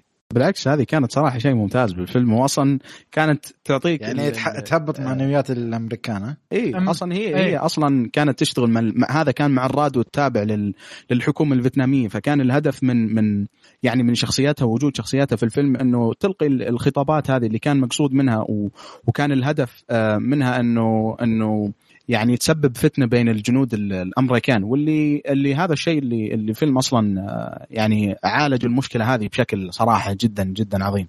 آه طيب خلصت السلبيات عندك يا عبد العزيز؟ آه نقطة أخيرة أعتقد أنه في بعض الأشياء كانت مقحمة بالغصب آه عارف اللي سبايك لي كان عنده ممكن خمسة أفلام يتكلم فيها عن العنصرية بعدين قال آه مرة الطريق طويل جمعهم كلهم حطهم هنا فمثلا أشياء زي آه، محمد علي كلاي آه وأشياء زي يعني كثر مرة كثير مارتن لوث- لوثر كينج اللي أساسا هو يحتاج لفيلم الحالة لكن بعض الأحيان تحطه كذا باللي بدون سبب. آه، جرائم هنا وجرائم هناك أشياء هنا وأشياء هناك اللي ما كنت أدري ليش هي موجودة وكيف هي موجودة. آه، وضيعني كثير يعني وال references زادت عن حدها حقيقة. بس طيب و... والنقطة هذه أبغى أكمل عليها عبد العزيز، أنا لما تكلمت عن الإيجابيات ذكرت إنه كان أكبر إيجابية بالنسبة لي أسلوب سبايك لي وبرضه كان ممكن السلبية حقتي الكبرى للفيلم كان أسلوب سبايك لي نفسه. يعني النقطة هذه ترى هذا مو شيء غريب على سبايك لي ابدا، هذا أسلوبه. يا أخي في BlacKkKlansman فكرة الفيلم وبذرة الفيلم كانت عظيمة جدا ولكن أسلوب الحشر حقه إنه كيف يعطيك المعلومات كذا بالملعقة إنه كأنه يتعامل مع المشاهد على أساس إنه شخص غبي كان هذا يا أخي شيء سيء جدا. يا أخي الحوار مثلا إذا تذكرون كان في بداية الفيلم كذا كانوا طالعين من المطعم وجالسين يتكلمون عن الشخصيات ال- الأيقونية في المجتمع الأمريكي الأسود وبعدين كذا يتكلمون عن فلان الفلاني وكان يسوي شيء. تحسه إلقاء يا أخي كأنهم قاعدين يقرون كذا من كتاب ما ما في أي نوع من التمثيل وبرضه كذا لما لما يعطيك الأسلوب الإلقاء الخايس هذا زين كذا يحط لك صورة الشخص وتاريخ ميلاده. يعني طيب يا أخي عطني أنا حرية إنه في في عطني الحرية إنه أسلوبك يكون ممتع وشيق لدرجة إنه أنا أروح أبحث عن الشخصيات هذه وإنه أنا أنا أروح أتعلم يعني عن الناس هذول فالأسلوب هذا كان صراحة محبط محبط جدا جدا. وحقيقي لما كان لما كان يطلع كنت أقول okay هذا سبايك لي لأنه صراحة كانت بالنسبة لي أثرت أثرت على تجربتي بشكل كبير.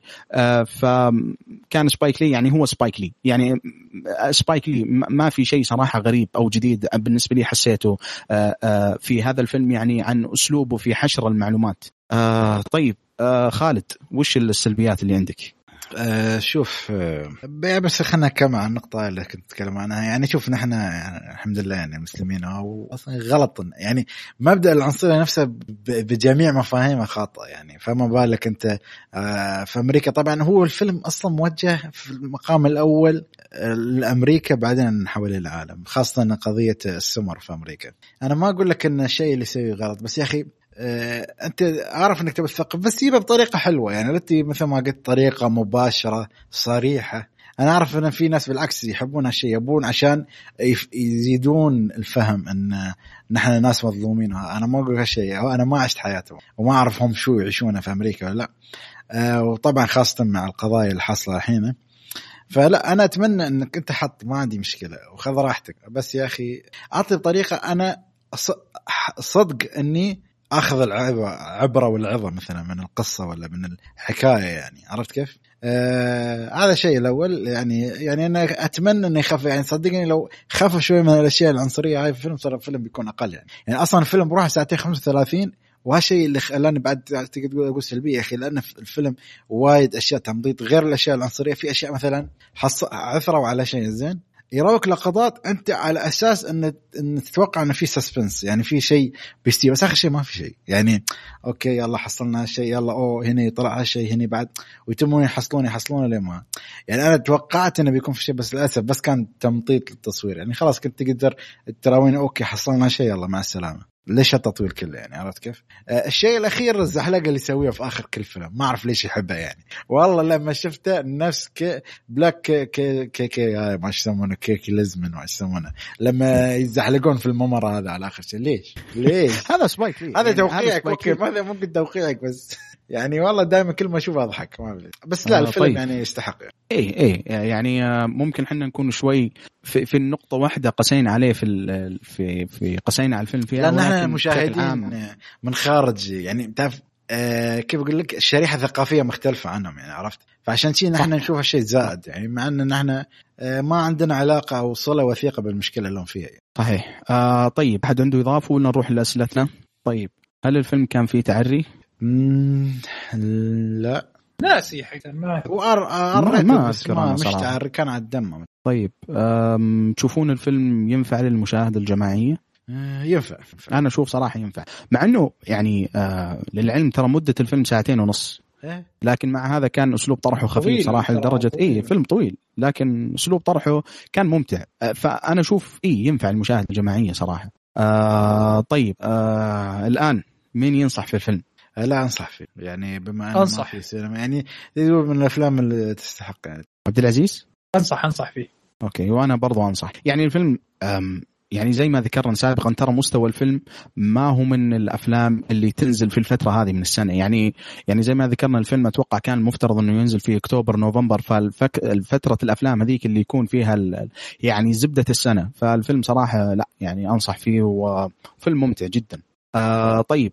نروح للفيلم الثاني اللي عندنا فيلم اي دانيال بليك هذا الفيلم من إنتاج سنة 2016 وبكل بساطة قصة الفيلم تتكلم عن شخص في في نهاية الستينات من عمره آه، يمر بأزمة صحية فبسبب الأزمة هذه آه، يطلع برا وظيفته ويمر في رحلة للحصول على الإعانة الحكومية يعني بحكم إنه غير موظف. فهذه قصة الفيلم بكل بساطة. الفيلم كان حائز على عدة جوائز يعني من ضمنها حصل على عدة جوائز في كان أتوقع المخرج فاز في جائزة وبرضو الفيلم بحد ذاته فاز في جائزة.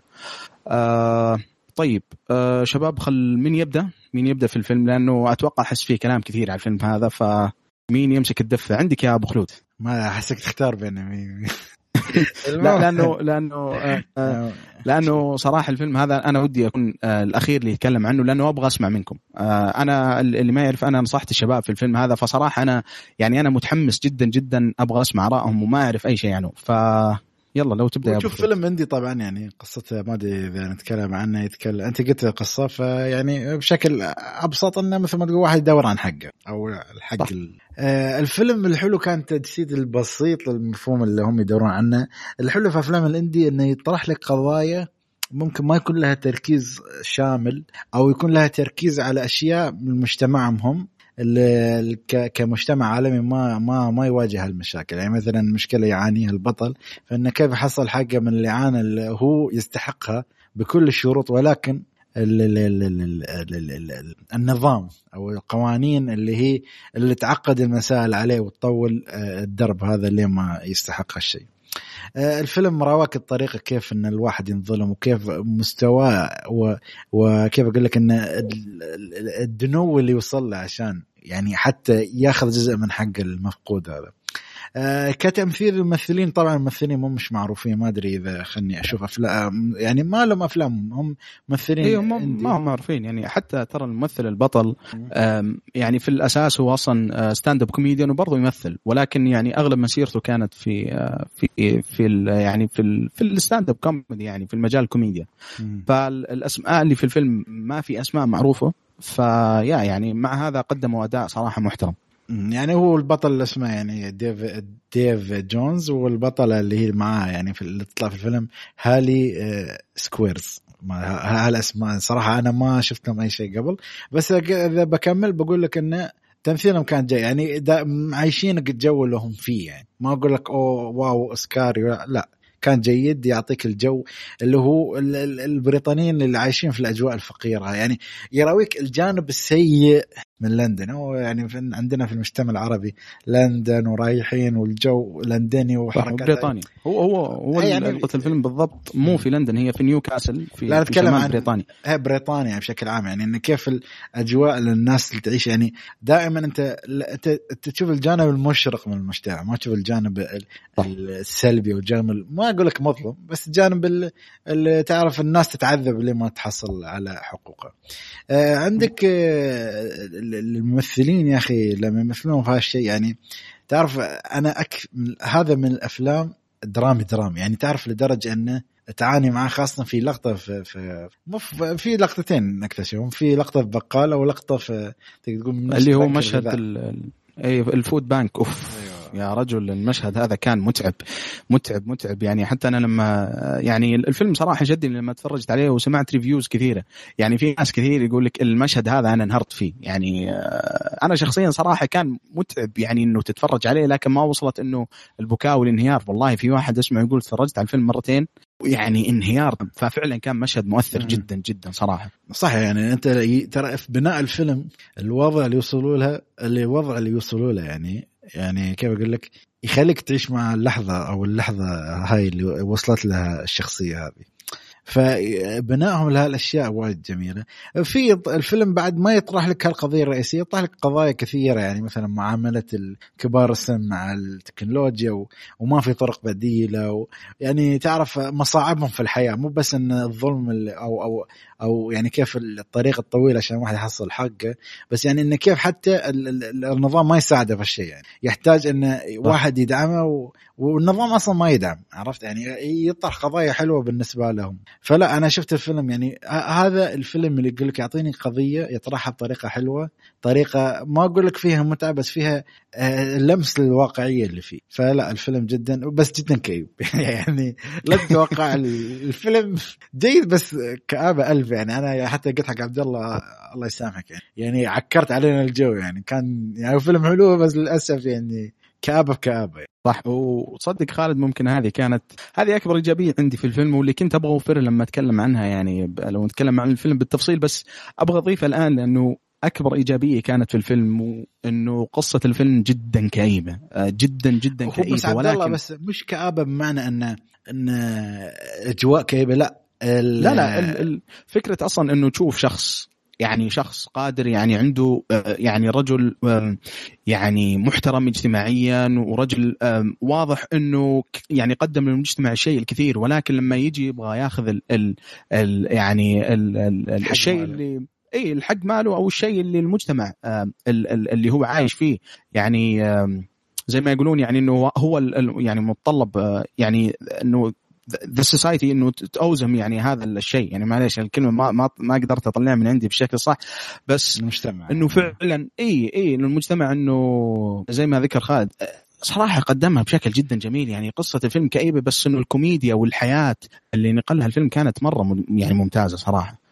آه طيب عندك إضافة خالد؟ آه لا هذا هو. بس أنا كنت بقصد يعني بس بتكلم عن نقطة الكآبة ولا إن تعرف إن تحس إنه في النهاية ما في نور في نهاية النفق الأسود. يعني تحس الفيلم نفق أسود بس في النهاية ما تشوف النور هذا. بس يعني هالفيلم اللي بيوجه لك هالرسالة بس أنت لازم تواجه الصعوبات هذه. هذه رسالة الفيلم الرئيسية مع رسائل أخرى يعني موجودة بطريقة مش مفروض عليك فرض عرفت؟ هذا جميل. طيب آه عبد العزيز.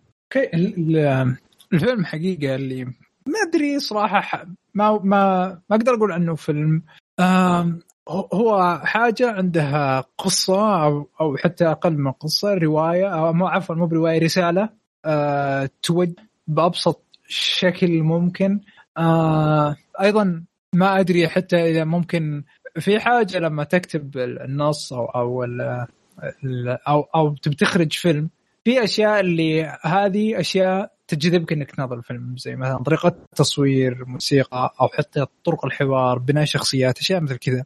تكاد تنعدم إذا ما انعدمت بال- بال- بالفيلم نفسه لأنه يبغى يقدم لك أكبر طريقة واقعية ممكنة. لأنه ما في أحد يسمع موسيقى رهيبة بنص وهو داخل مكان معين وما في أحد مثلا جالس والله وهو جالس يركض الدنيا حواليه والكاميرات مرة ممتازة والانجلز لا بالعكس. فالواقعية حطها بأكبر شكل ممكن جردك من الألوان جردك من كل شيء معين. يبغى يشوف إيش يشوف عفوا يبغى المخرج تشوف إيش يشوف آه، دانيال ما يبغى أي شيء زيادة. يبغى يبغى الواقعية المقصودة. عشان لما تخلص ترتبط فيه مو كشخصيه شخص. فبإنه يبعد كل هذه الأشياء عنك. ويخليك يعني مجرد من جميع هذه الأشياء وتقدر تستمتع بالفيلم. هذا بحد ذاته كان نجاح خارق للفيلم نفسه أو للنص بحد ذاته. أيضا أنتم قلتوا كئيب أنا ما شفته كئيب أنا شفته واقعي شفت إنه هذه الحياة. آه هذول الناس. إيش تبغى أسوي؟ ما شفت إنه الناس تكرهه عشانه كئيب إنه ما شفت إنه الناس كذا راح تتعامل معه. آه هذا بشكل عام. بس في نقطة رهيبة أسطورية رسالة كانت من تحت آه، خلينا نقول ما ادري ما أدري كيف أقدر أوصفها اللي هي لما لما راحوا مركز البقالة أو اللي هم كانوا يتبضعون منه. المشهد اللي تكلمتوا عنه اللي اللي ال food bank مشهد ال food bank. اي food bank أيوه. البنك الأكل. أبغاك تلاحظ كلمات الناس وطريقة تعاملهم. ممتاز. وحتى طريقة اختيارهم للكلمات. هاي هان آه آه يا بنتي يا, يا صديقتي يا طفلتي أشياء اللي نفس كذا. تلاحظ أنه الناس داخل هذاك المكان كيف هم يعني ودودين وعاطفيين تجاه الناس اللي يجونهم مقابل تعامل الناس بالحكومة أو المكان الحكومي هذاك. هذه بحد ذاتها رسالة جدا قدر يطرحها الفيلم واللي ممكن ما حد ينتبه لها. آه فأنا هنا اللي الناس هذول هم المفروض يشتغلون هناك. الناس هذول هم اللي عندهم عاطفة على عكس الناس اللي هناك اللي يتعاملون مع الناس كأرقام كملف اسجله وأخلص منه. الفود بانك يتعاملون مع الناس يجونهم إنهم أوادم. إنه كيف نقدر نظهر لهم أطيب وأفضل حتى إنه كيف نظهر لهم المودة. هذه بحد ذاتها كانت مرة رهيبة. أشياء كثيرة خلت من الفيلم إنه يتجرد من أشياء ممكن تخليه أفضل بس عشان يعرض لك المنطق والواقع اللي الناس تعيشه هناك. آه بس حقيقة. آه touching touching جدا الفيلم. صراحة فعلا. وعبد العزيز في نقطة ذكرتها إنه كيف كيف طريقة تعامل الدوائر الحكومية مع الناس اللي بالحاجة. يعني ال ال الناس اللي بالحاجة ال الشيء اللي ممكن لو ما توفر عندهم ممكن هذا يسبب خطر عليهم وعلى حياتهم وعلى مستقبل أولادهم.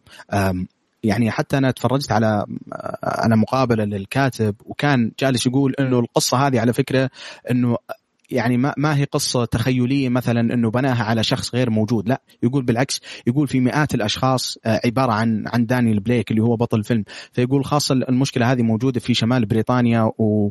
وإنه يعني لما جلس يسمع قصص الناس هذول اللي يعانون من المشاكل ال... إنه تحس إنه الدوائر الحكومية جالسة تعاملهم زي ما ذكرت كأنهم أرقام وبالعكس كان ال system كأن ال system مبني إنه على أساس إنه يوقف في وجه الناس هذول الناس اللي هم يعتبرون المفروض إنه أكثر شيء يهتم فيهم اللي هم في أمس الحاجة زي ما ذكرت ممكن يعني مبلغ بسيط عند أي واحد أوكي؟ ممكن عند الشخص هذا قد ينقذه من مسألة حياة أو موت أو من من إنه ممكن يسوي شيء. أي إنسان ثاني ممكن ما يتصور إنه يسويه في أي مرحلة توصل له في حياته. يعني لما تشوف مثلا الشخصيات الأشياء اللي اضطروا يسوونها بس على أساس انه يوفرون يعني قوت يومهم آه، يعني صراحة الفيلم كان في النقطة هذه كان جدا صادم ومتعب ولكن في نفس الوقت لما تشوف تحس إنه في مبالغة ولكن كان على العكس. هذا الشيء فعلا موجود. يعني ما كان في أي جزء تخيلي من من طرح القصة. ففعلا يعني صراحة كان النقطة كانت يعني on point آه طيب خلونا نروح على السلبيات وأنا أبغى أبدأ يعني بحكم إنه عندي سلبية واحدة صراحة. أنا عندي مشكلة كبيرة جدا حقيقة مع نهاية الفيلم. الفيلم كان ماشي بشكل يعني لحد النهاية لأنه يكون بيرفكت بالنسبة لي حقيقة. آه ولكن النهاية حسيتها كانت مستعجلة وكانت تبغى تطلع أكبر قدر ممكن من آه، يعني العاطفه والدموع زي ما تقول من المشاهدين. يعني كانت عاطفية بشكل إنه خلاها تصير ما أدري يعني ما هي يعني ما حسيت بارتباط حقيقي معها وحسيت إنها جدا مستعجلة صراحة. فما أدري وش رأيكم. آه، يعني معك في النقطة بس أنا بتكلم عن النقطة الثانية عشان ما نرجع للنهاية وهذا ما أدري إذا عبد العزيز عنده نقطة عن النهاية ولا؟ كيف النهاية كانت إيه يا عبد العزيز؟ أنا عندي نهاية. شفتوا لما قلت إنه تجرد من جميع آه خلينا نقول الاشياء اللي تمسك. آه في مصطلح علمي بس إني ناسيه حقيقة. آه التجرد هذا هو اللي خلانا نفقد العاطفه مع النهاية تقريبا. يعني لو هو حط شوية لمسات هنا وهناك تخلت نقترب أكثر وإنه طلع شوية من الواقعية ممكن يعني ب ب ب يعني يكون عاطفتنا أكثر تجاه الموضوع تجاه الحدث اللي صار بالنهاية. فعشان كذا أنت حسيت إنه أوكي نهاية وبس اللي صارت. ما حسينا بالعاطفه وحسيت إنها مستعجلة بينما هي جا... أنا عن نفسي بالوقت المناسب بالمكان المناسب كل شيء مناسب. لكن لأنه قرر إنه يتجرد من أشياء كثيرة مثلا من الموسيقى من طريقة التمثيل من مونولوجز أشياء مثل كذا هي اللي خلتنا نفقد هذا البريق من من النهايات المعينة اللي المفروض إنها تصير لنا. جميل. طيب خالد إيش كنت تبغى تقول؟ بس كنت عندي نقطة كانت دائما تنرفزني في الفيلم لما أشوفه لما يحاول يسوي كت بين اللقطات يعني خلاص ينقل. تعرف يسوي يستخدم الأسلوب القديم اللي هو السواد. أنا أعرف إنه ما يبغى هو يبهر ويغير و... والحركات هاي ما يبغى يستخدمها في الفيلم بس يعني حسيت إنه كان ممكن يسوي شيء أفضل إنه يغير. أنا أعرف الفيلم independent أو indie يعني ف ما يبغى يصرف عليه وايد وفي نفس الوقت ما يبغى يتفلسف فيه وايد. بس أنا تمنيت إنه يغير الاسلوب اللي أحس جدا كان قديم اللي هو خلاص على طول سواد ويلا اللقطة اللي بعدها. يعني هالشيء بسيط يعني. آه بس أنا صراحة حسيت النقطة هذه يعني ممكن أنا حسيت إنها تتغير ممكن حت يعني حت يعني تخلي الفيلم يظهر بشكل أجمل. ولكن حسيت إنه زي ما ذكرنا سابقا الفكرة من النقطة هذه ومن كثير من النقاط في عدم المبالغة إنه يوصل لك إلى أي درجة هذا اللي جالس يصير يعني بدون تبهير بدون بدون حركات الأفلام هذه. آه، يعني حتى ما أدري إذا تتذكر خالد في فيلم تكلمنا عليه قديم الفيلم حق إيثن هاك اللي هو First Reformed ترى ال الأسلوب الأسلوب الطرح في ذاك الفيلم آه، سينمائيا تصوير سينمائي وموسيقى كان جدا قريب من هنا. كان الفيلم حابب يعني يوصل لك أسلوب إنه اللي جالس يصير هذا حقيقي لدرجة إنه الفريم حق الفيلم مختلف عن الأشياء اللي تعودنا عليها ال ال ال القطعات ما بين مشهد ومشهد. فأتفهم حقيقي النقطة هذه. يعني ممكن إنها لو ما كانت موجودة ما حتخدم يعني جزء كبير من الهدف من الفيلم هذا. حيكون ناقص إنه واقعية القصة ولكن كانت ممكن تضيف للتجربة السينمائية صراحة. يعني التجربة السينمائية كانت تحتاج الشغلة هذه. بس يعني على على أنا متفق معك بس يا أخي تعرف بعد حسيت إن ابى ابى شيء شوي على الأقل لمسة شيء مثل ما قال يعني عبد عبد هذا عبد العزيز. آه وقصة التعاطف. يا أخي تعرف يعني بس برجع نقطة يعني هي في الإيجابيات.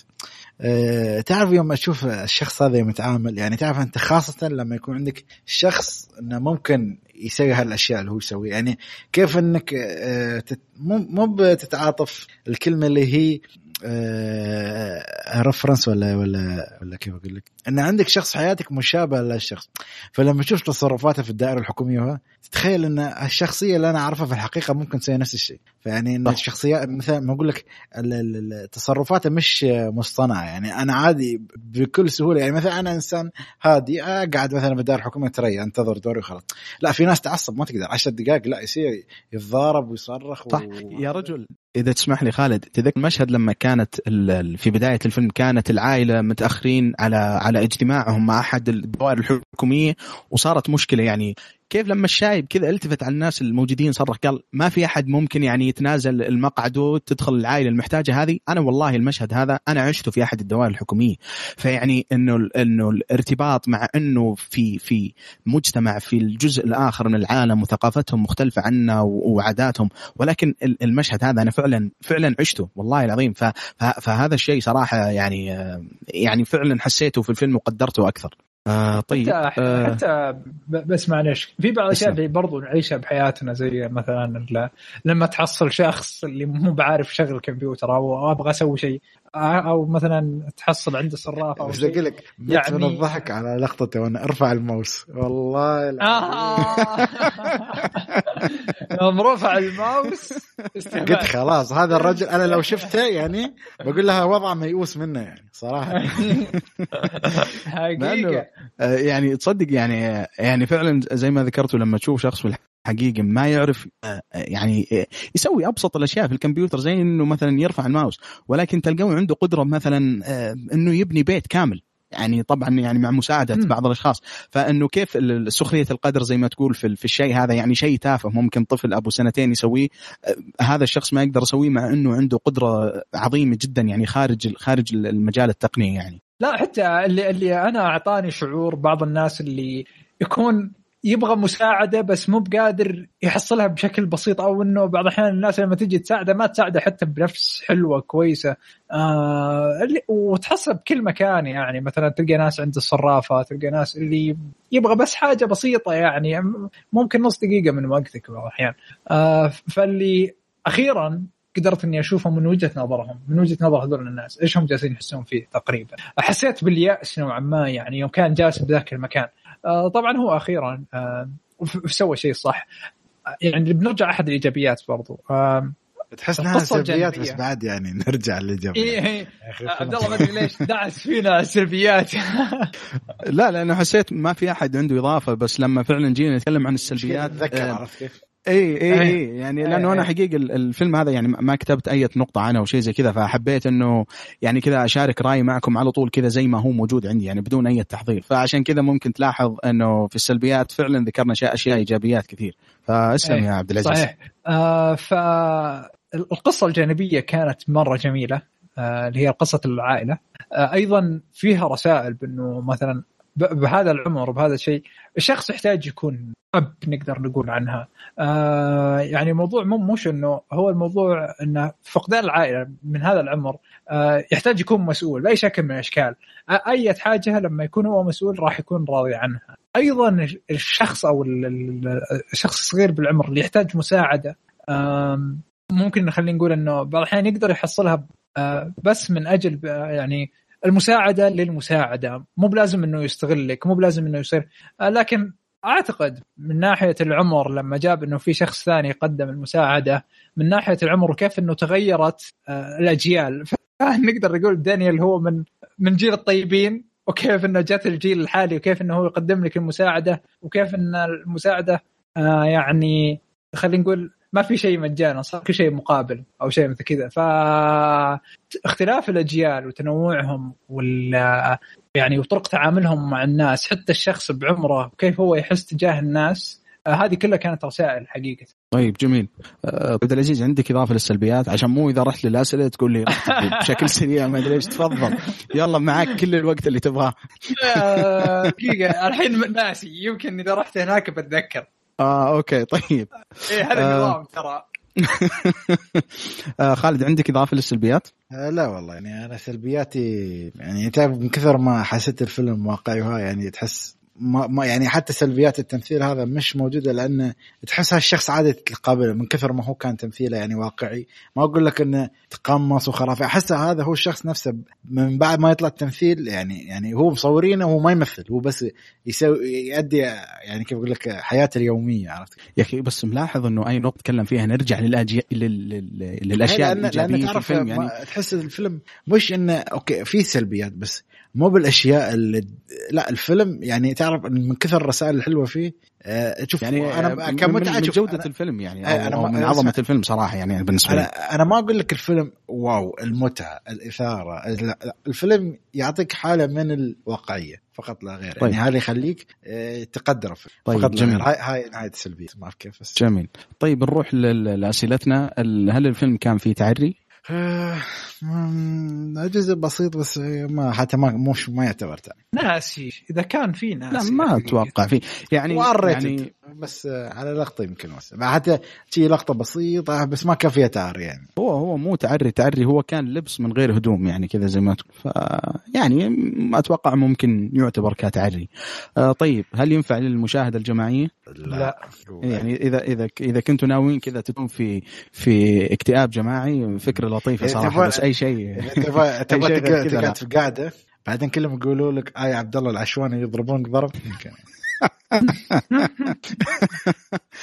طيب جميل. يعني بشكل عام واحد بشكل عام الفيلم ما يصلح للمشاهدة الجماعية يعني أتوقع ابدا. آه طيب تنصحون في الفيلم؟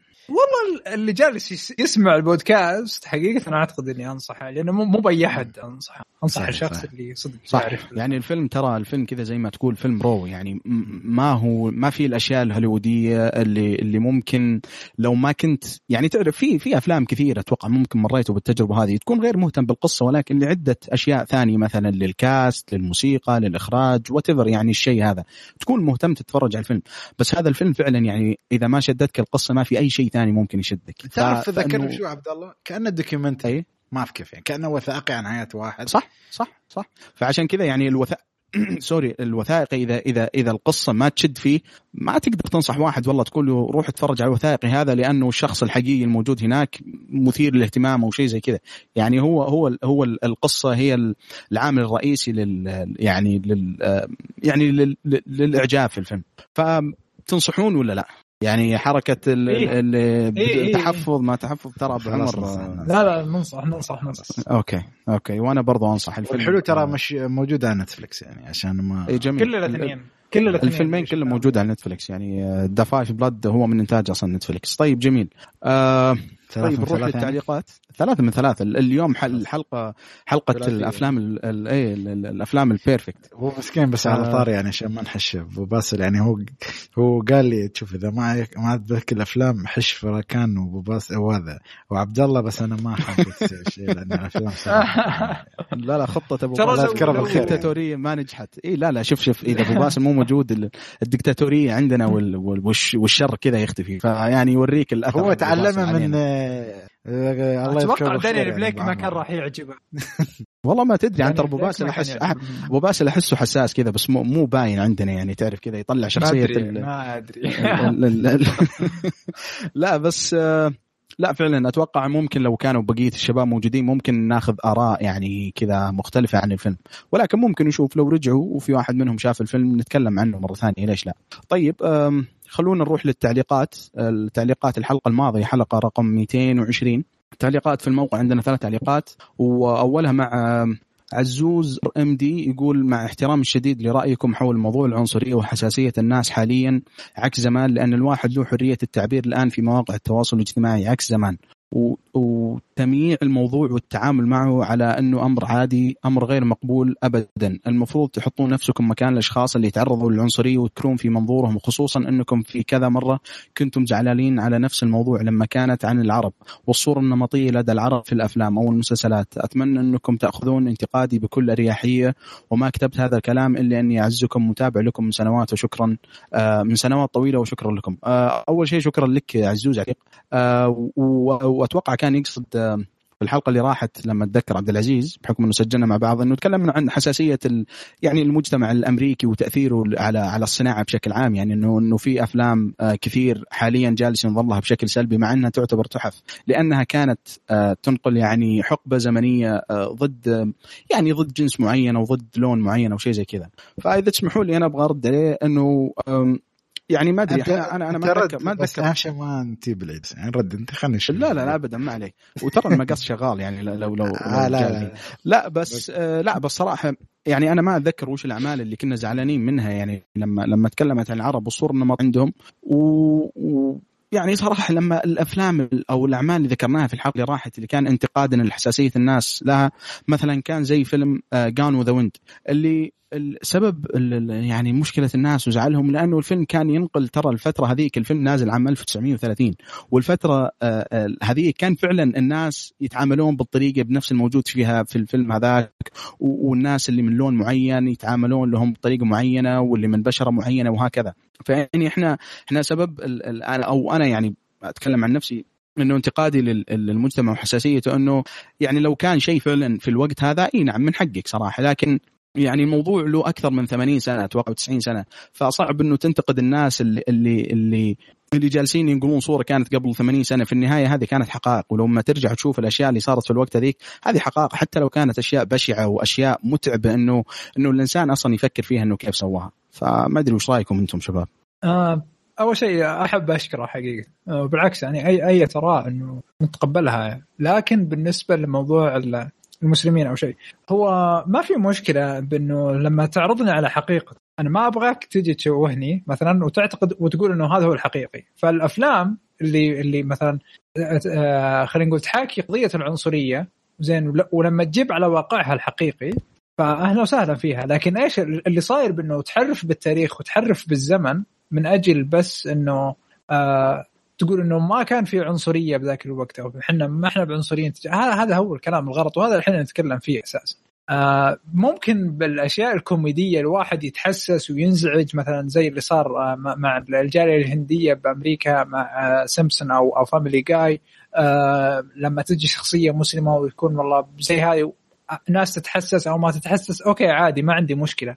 لكن بأنه تزيف الواقع وتزيف الحقيقة التاريخيه من أجل أنه ترضي أجندة آه وعشان ما الناس يكونون حساسين هذا الغلط. وبالعكس تماما. يعني أنا الآن أشوف أو شفت حلقة من مسلسل اسمه The Great يتكلم عن عن العصور الوسطى اللي كانت بروسيا.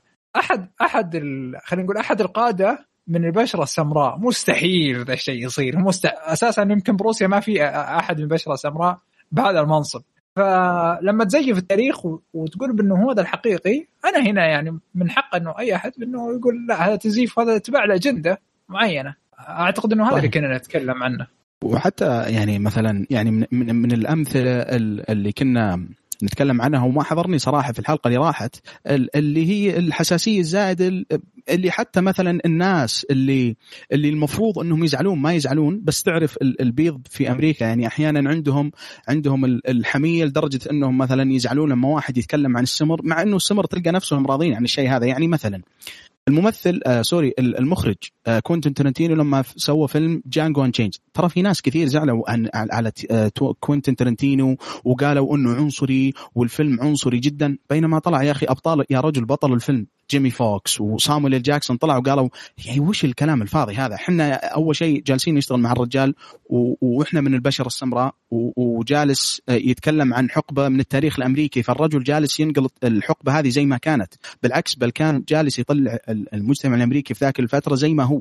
مجتمع عنصري يعني أحيانا قد يقدر الحيوانات أكثر من البشر لو كان لهم لون بشرة معينة. فيعني حتى لما تشوف كلام جيمي فوكس عن كوينتن ترنتينو وكيف إنه قال إنه في ناس يعني جال جالسين يعني ما أدري حساسية بزيادة وهو رجل يعني زي ما ذكرت من البشرة السوداء. فهذه النقطة اللي أنا كنت أتكلم عنها في حلقة راحت. الحساسية الزايدة اللي ما لها داعي. فاتوقع نروح لل comment اللي بعده وشكرا مرة أخرى عبد العزيز أو عزوز على ال comment هذا لأنه هذه صراحة من الكومنتات اللي تثير النقاش عندنا وبالعكس ما نزعل إحنا ننبسط فيها وجدا سعيدين. طيب ال comment اللي بعده من أوبا 12 12 يقول مرحبا كيفكم؟ لا أوبا 1 2 1 2 ما 1 2 1 2 okay يقول مرحبا كيفكم؟ وشكرا لكم على البودكاست الرهيب. أنا شفت فيلم Unforgiven بعد ما تكلمتم عنه في البودكاست. الفيلم عجبني كثير. وشكرا لكم مرة ثانية على الاختيارات الرائعة الافلام شكرا لك بالعكس على التعليق. و والفيلم كان يعني من اختيار الشباب ما قصروا صراحة يعني دام عجبهم فهذا يعني شيء يكفي بالنسبة لنا. منو كان بوباسل آه. عشان نعطي حقه هذا مسكين. أتوقع ممكن كان بوباسل ممكن بس إذا هذا لا لا بس شكرا يعني صراحة إنك يعني شفت الفيلم وأعطيتنا رأيك. طيب ال comment الأخير من صديقنا مايور يقول السلام عليكم. الله يعين على الكلمتين الجاية. يقول أوجا تيشيا جاكوزو طوكيو. كوكيز اتشي مش قاعد أستهبل يقول هذا كان تقديم خالد زرعوني للفيلم الكوري في حلقة 218 أيوه. وش مسوي أنت يا خالد؟ ما أدري يا أخي قلت اسمه بالكوري وطلع هذا اللي معي. ما أدري وش درى ما أعرف أنا أبراهيم ما سمعت صراحة يقول كنت متأخر عنكم كثير بالحلقات لكن سويت ماراثون كشكولي. جلست أسبوعين أسمع حلقاتكم. وأنا أتابع الأفلام اللي تتكلمون عنها. يقول علشان ألحق أمشي معكم بالحلقات هذا كله عشان كله علشان أحبكم وأحب أعلق. الله يعطيك العافية صراحة وكلام يسعدنا يعني وإن شاء الله أفلام اللي تكلمنا عنها تكون استمتعت بمشاهدتها. ف اي وخلونا نكمل الجزء الثاني من التعليق. يقول أتوقع بعد الخسائر اللي صارت للشركات الإنتاج أتوقع بعد الخسائر اللي صارت لشركات الإنتاج بتقل الميزانية المدفوع للافلام القادمة بالمستقبل.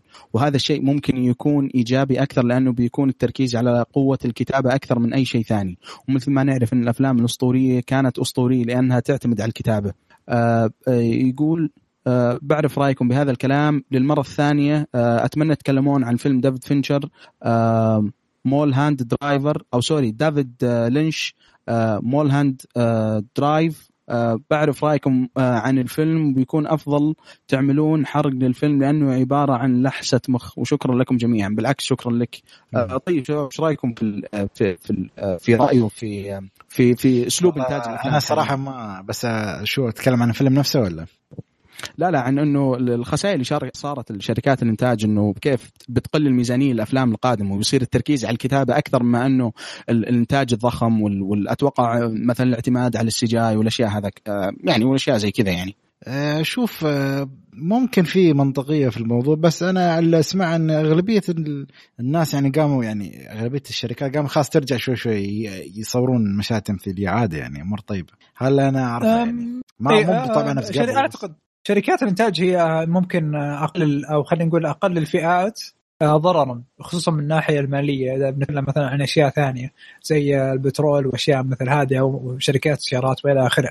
فاللي آه، هو الجانب السينمائي هو الأقل ضررا خصوصا عندهم آه، طرق ثانية يطلعون فيها الفلوس غير غير اللي هو موضوع غير موضوع السينما يعني. آه برضو شغالين مثلا بال post post آه direction آه يكون ما يحتاج إنه والله لازم ناس يسمعون كثير أو كذا.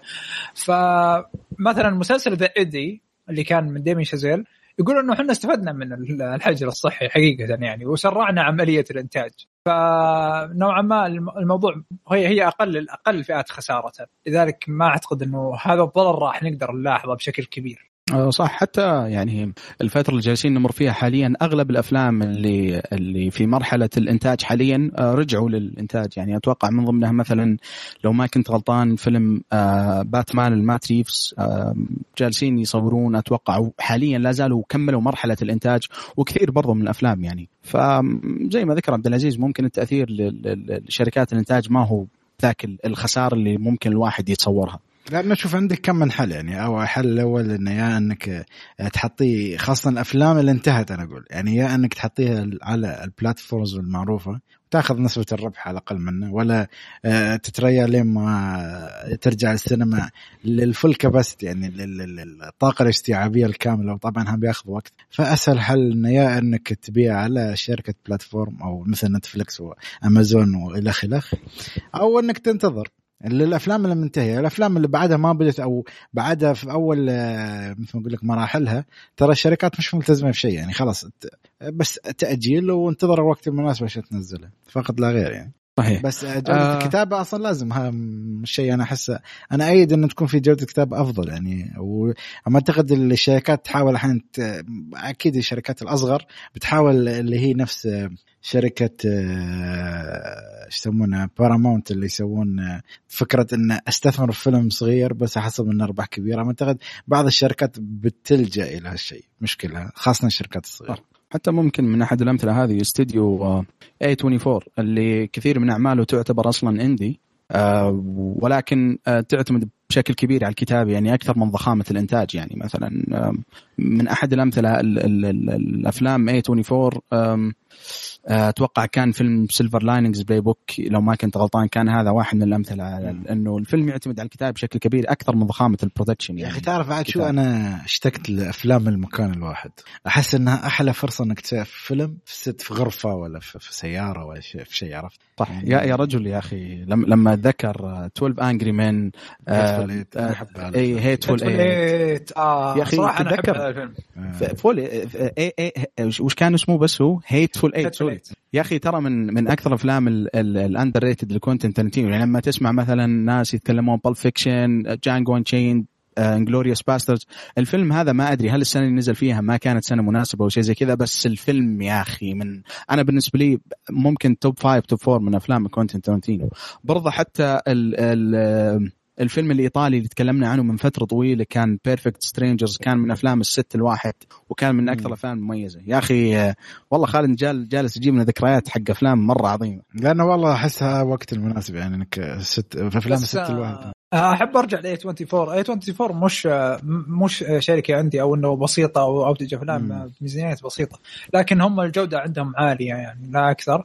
زي زي حاجة اتش بي أو لكن أذكر لاند ترى ممكن 30 مليون دولار أو شيء مثل كذا. بس 30 مليون دولار كم يعني؟ كم بالنسبة لا للفيلم ترى- تقارن لا تقارن بس لا. بافنجرز أو أو- عبد العزيز لا لا. أنا بقول لك ترى فيلم تعتبر هذه و- هذه و- هذه الأفلام آه، إذا تسمح لي خالد هذه الأفلام يعني 30 مليون ترى ما تعتبر الميزانية الضخمة بالنسبة لهوليوود فعشان كذا أنا أقول لك ترى Silver Linings Playbook يعتبر كفيلم indie. حتى يا رجل ترى ترى الفيلم اللي تكلمنا عنه قبل فترة فيلم آه، جيم كيري ترى فيلم indie اللي هو The Eternal The Eternal Sunshine of the Spotless Mind حتى برضو فيلم زي Pulp Fiction يعني ال indie حق هوليوود ترى ممكن شوي ما يعطيك نفس الانطباع حق ال indie حق ال- السينما الأوروبية ممكن أو مثلا زي ما تكلمنا عن دانيال بليك اليوم I, Daniel Blake ف still إنه تعتبر indie ولكن ال indie حق هوليوود يعني وإنه زي ما ذكرت إن أشياء تعتمد على الكتابة.